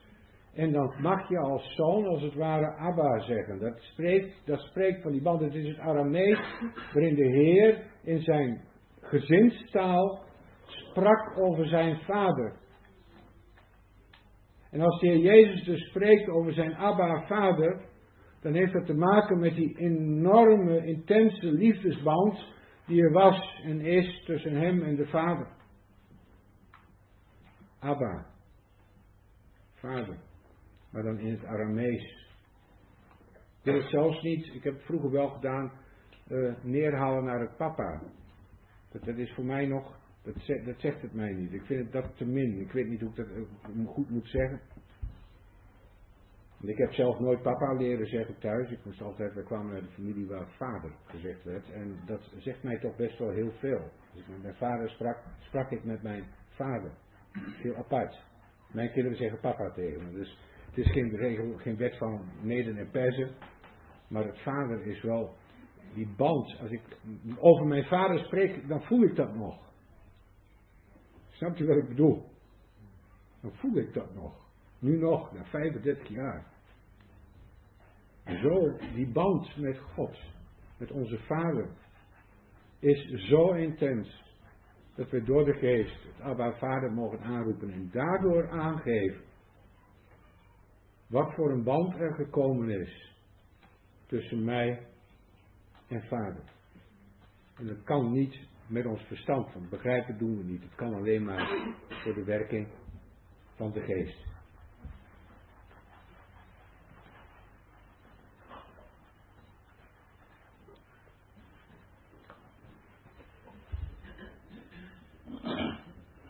We hebben gelezen dat uiteindelijk in Romeinen 7 dat het zover kan komen dat iemand kan zeggen, ik ellendig mens, wie, wie zal mij verlossen uit dit lichaam van de dood? God zij echter dank door Jezus Christus onze Heer. Het gaat om de persoon van de Heer Jezus, die ons verlost. Als uh, onze broeder had gesproken over de persoon van die wie God gezonden heeft, doordat hij zijn eigen zoon in een gedaante gelijk aan het vlees van de zonde voor de zonde heeft verzonden, gaat om de Heer Jezus. Wie hij is. In Jesaja 53 hebben we ook zo'n prachtige tekst. En waarom lees ik die voor? Omdat in het geloofsleven waarin wij gaan, merken we dat er in een wereld om ons heen de machten werkelijk erop uit zijn om die heerlijkheid van het evangelie, de Heer Jezus, naar beneden te halen. Daar gaat het om. Als je in de hulpverlening spreekt met mensen die vastlopen in veroordeling, dan merk je uiteindelijk dat daar een enorme gevecht aan de gang is, waardoor mensen de Heer Jezus nodig hebben. En wie is die persoon? Meestal lees je toch de tekst uit je Jesaja 53 voor. Ik wil het even erbij halen. Daar staat in vers 5. Maar om onze overtredingen werd hij doorboord. Om onze ongerechtigheden verbrijzeld. De straf die ons de vrede aanbrengt, was op hem. En door zijn striemen is ons genezing geworden. Wij allen dwaalden als schapen. We wenden ons ieder naar zijn eigen weg. Maar de Heere heeft ons alle ongerechtigheid op hem doen neerkomen. Vers 11. Om zijn moeitevol lijden zal hij zien tot zijn verzadiging toe. Door zijn kennis zal mijn knecht de rechtvaardige velen rechtvaardig maken. De kracht van Gods geest, die wijst altijd op de Heer Jezus. Die persoon. Zodra wij denken dat wij iets zelf kunnen doen, dan missen we het doel. We lezen het werk van Gods Geest in Johannes 16, wat hij doet. Hij zal het uit het mijne nemen, u verkondigen. Niet uit zichzelf. Dat is meestal het probleem wanneer wij uit onszelf dingen doen. Dat is niet goed. Maar wat hij hoort. En wat doet hij? Hij verheerlijkt de Heer Jezus. En dat is in het leven van ons wat we moeten doen. Waarin die wetmatigheid, die soms zo averechts werkt. Want het blijft altijd de vijandschap tussen de geest en de vlees. Gelaten is daar heel duidelijk over. En dan gaat het om die gezindheid. Een gezindheid waarin we zien, moeten zien of wij daarin een gezindheid hebben van de Heer Jezus. Want die gezindheid, die gaat naar een contact met God, naar een relatie. Een relatie waarin wij zo ver komen dat wij door de geest Abba Vader kunnen noemen. En dat heeft te maken met de geweldige persoon van de Heer Jezus in je leven. Want als je gaat kijken naar de regels of naar bepaalde wetmatigheid, dan mis je je doel. Het doel van de, de geest van God is dat hij altijd wijst naar de Heer Jezus, wie hij is, wat hij voor ons gedaan heeft. Dat hij vrucht zal zien van de arbeid van zijn ziel. En als ik morgen naar mijn werk ga of wat dan ook doe, dan kan ik de vraag stellen: Heer, met welke gezindheid mag ik gaan om uw naam te verkondigen? Om uw naam te laten zien aan de mensen om me heen. Toen Heer Jezus de naam van de Vader naar voren bracht, merkte hij de enorme weerstand van een wereld waar we allen dwaalden als schapen. Wat een tegenstand. Maar welk een volharding had hij om door te gaan is dat hij door de geest geleid werd. In alle omstandigheden. En wij hebben dat nodig om door de kracht van Gods geest geleid te worden. Doordat wij leren zien welke liefde de Vader ons geopenbaard heeft. Die zijn zoon in de gedaante van het vlees, uitgegeven dan zonde, gegeven heeft en die voor ons alles heeft gedaan. Voor mij heeft gedaan. En als je daaraan denkt, dat die liefde je dringt, dan gaat er een geest, denk ik, in ons leven werken, waardoor wij ons richten op de belangen van wat de Vader wil, wat de Heer Jezus wil van mij. Dan gaat het niet meer om die regels, want het leven dat God geeft, kan niet anders doen dan datgene doen wat God zo naar verlangt. Die geboden zijn dan niet zwaar. Het leven kan niet anders dan dat leven uitleven, omdat het van de Heer Jezus is. Omdat Christus, zoals Paulus dat zegt, in mij leeft. En vanuit die houding, denk ik, gaan we leren zien veel meer wat de wil van de Vader is.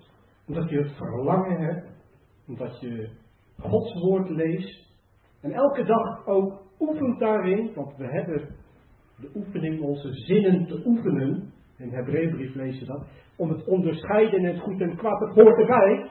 Maar dan mogen we ons richten naar de Heer Jezus. Die ons lief heeft. En die ons niet zal begeven. En die ons niet zal verlaten. En die ons ook zal leiden in de hele waarheid. Dat is een belofte. Vragen stellen om naar onszelf te kijken. Kan wel eens gevaarlijk zijn, vervelend zijn. Maar we kunnen weten vragen. Heer, wat wilt u dat ik doe? En dat is een oefening. Ik denk dat we allemaal daar onze, onze, onze moeite misschien daarin hebben. Maar daarin mogen we het van echt van de Heer verwachten in het geloof dat Hij de levende Heer is. Die elke dag met mij, met u omgaat om ons te willen laten leiden. Hier wordt in Romein 8 gesproken over die geest die ons heel dicht bij de Heer Jezus wil brengen. Heel dicht bij de Vader wil brengen. En ons heel dicht bij al die zegeningen in in, bij de schatten wil brengen waar het hart van God zo vol van is. En dat is denk ik een oefening waarin we opgeroepen worden in, en bemoedigd worden in de Romeinenbrief, Romein 8, dat het een, ja, een gordijn gaat voor ons open, wat God voor ons is in de Heer Jezus en wat we allemaal hebben verkregen in Hem. Al die zegeningen. Het hart van God wil bij ons komen.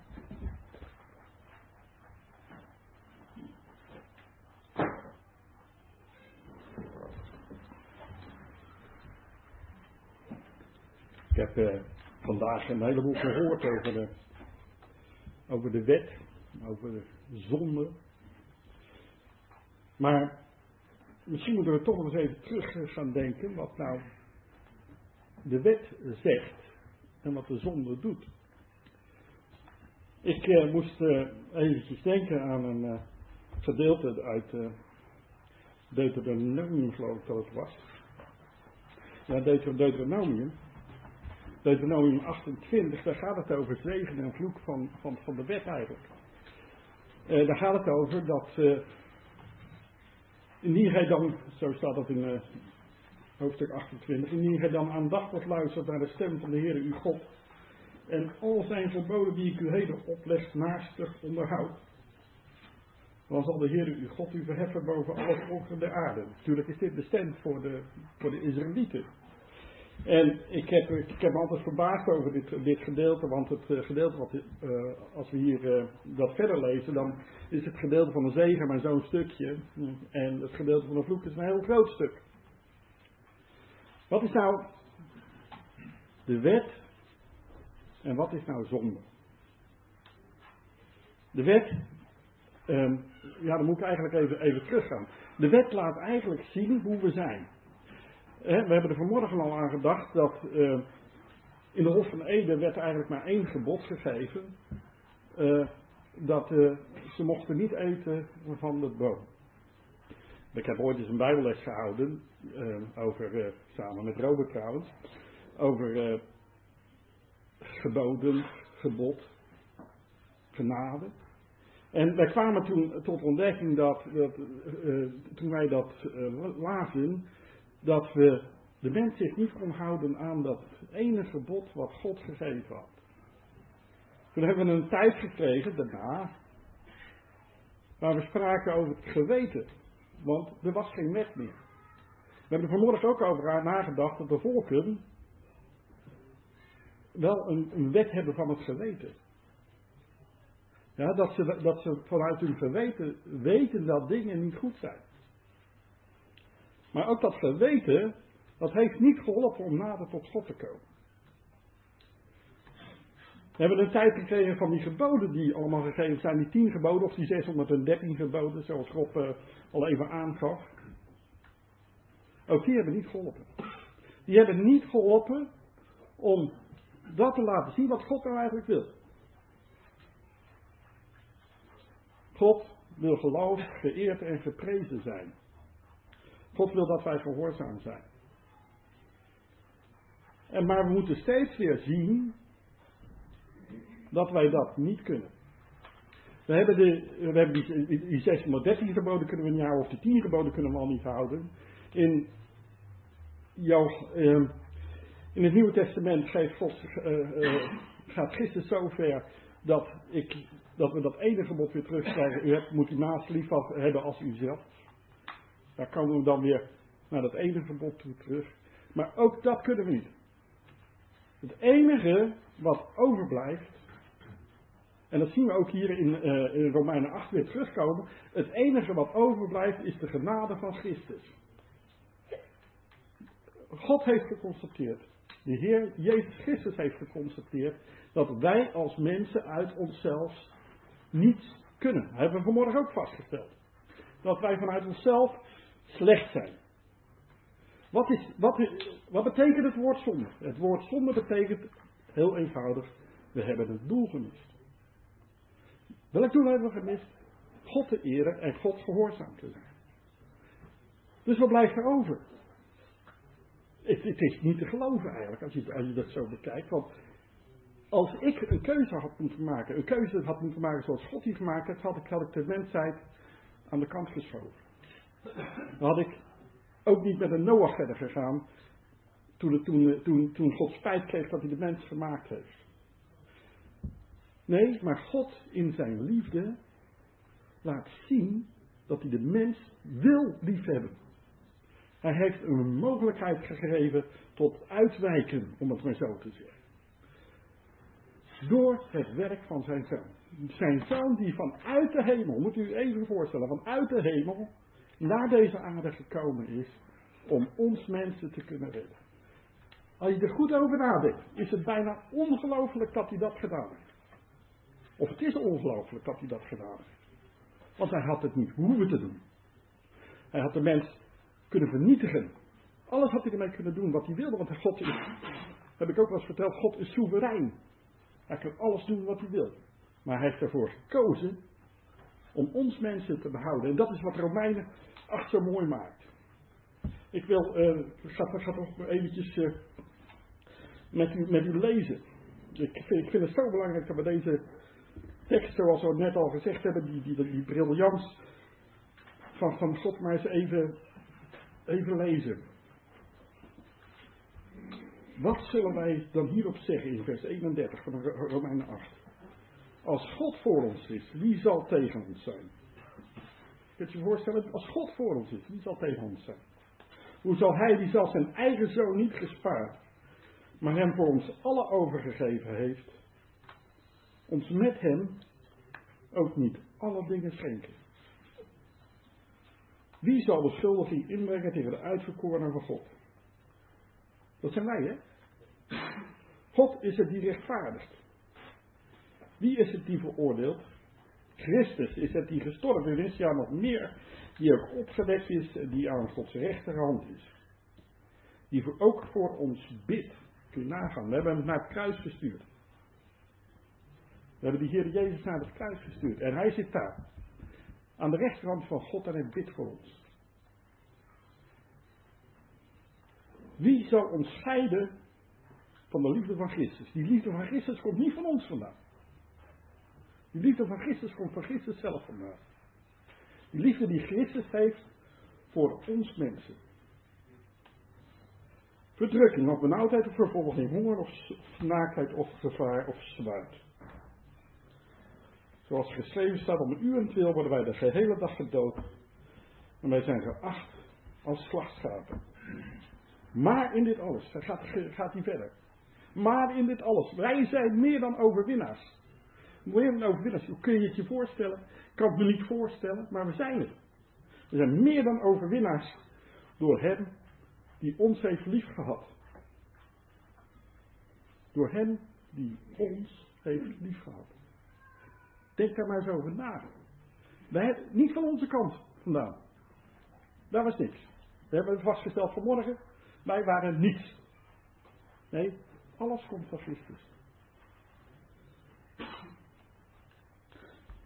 Want ik ben verzekerd dat nog dood, nog leven, nog engelen, nog overheden, nog tegenwoordige, nog toekomstige dingen, nog machten, nog hoogte, nog diepte, nog enig ander schepsel ons zal kunnen scheiden van de liefde van God. Van de liefde van God staat hier, hè? Maar die is door Jezus Christus, onze Heer. Jezus Christus, onze Heer, heeft ons zo lief gehad, dat God ons kan liefhebben. Omdat de Heer Jezus voor ons gegaan is naar het kruis van de Golgotha.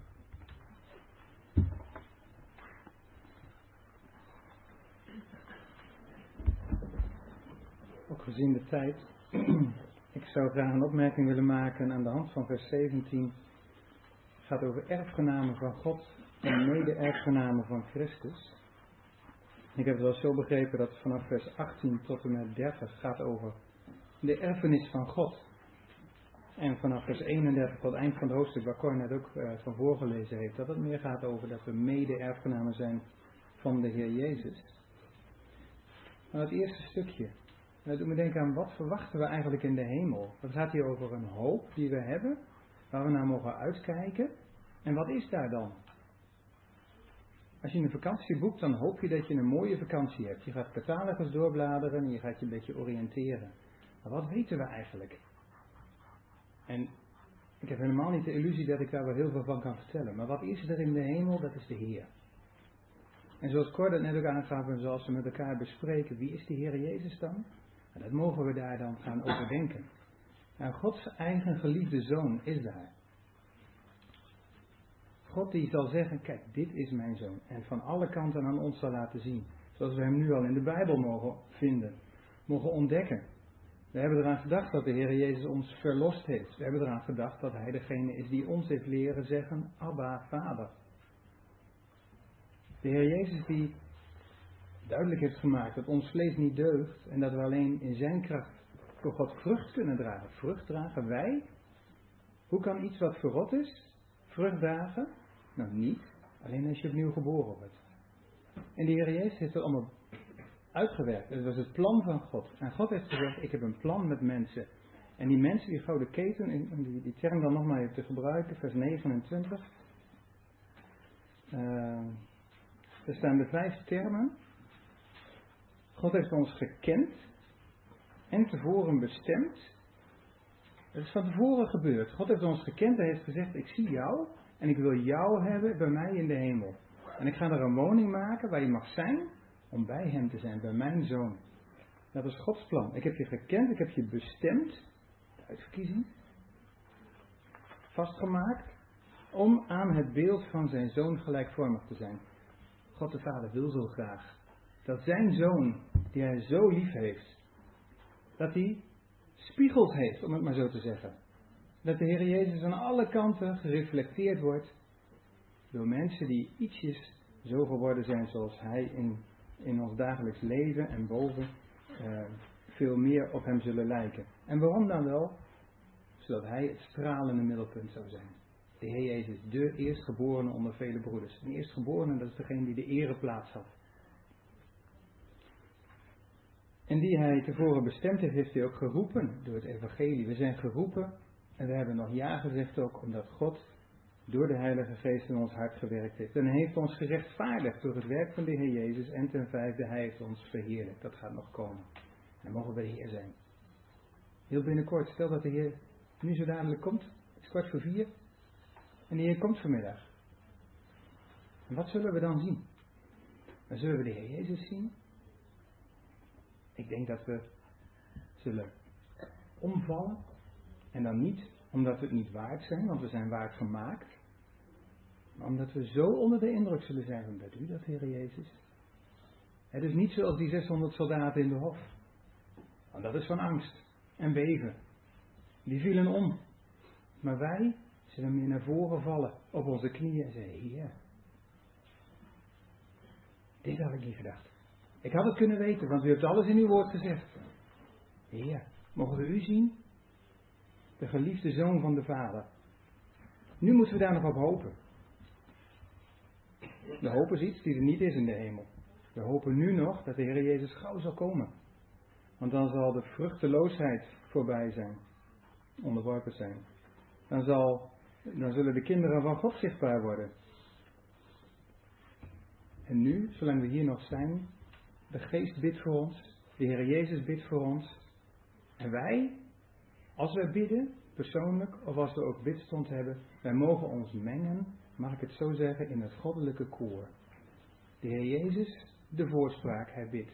De Heilige Geest, de voorspraak, hij bidt voor ons. En God doorzoekt de harten, want hij weet precies wat de Geest bedoelt.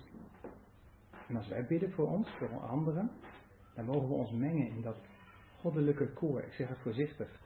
Maar God zelf bidt. En wij mogen meebidden. Hoe belangrijk is dat gebed? Want God zelf doet het ons voor.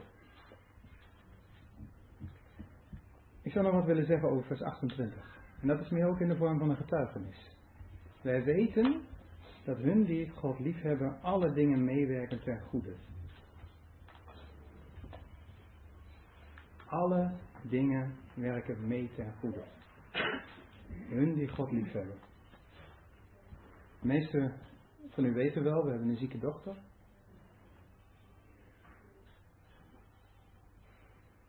Werken alle dingen mee ten goede? Dat is een mooie tekst, hè? Kun je makkelijk lezen. En die is ook waar.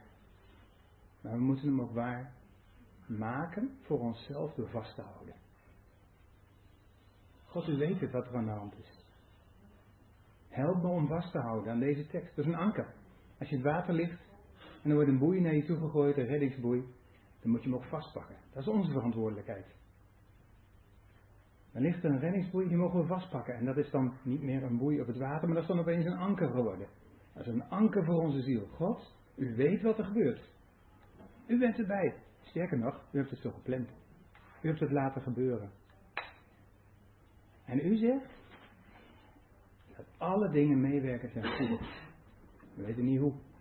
Wat voor moeilijke dingen er verder nog gaan komen. We hebben allemaal moeilijkheden in ons leven. We hebben allemaal een kruisje. Ieder huisje heeft een kruisje. Verantwoordelijkheid. Het is een geweldige belofte van God.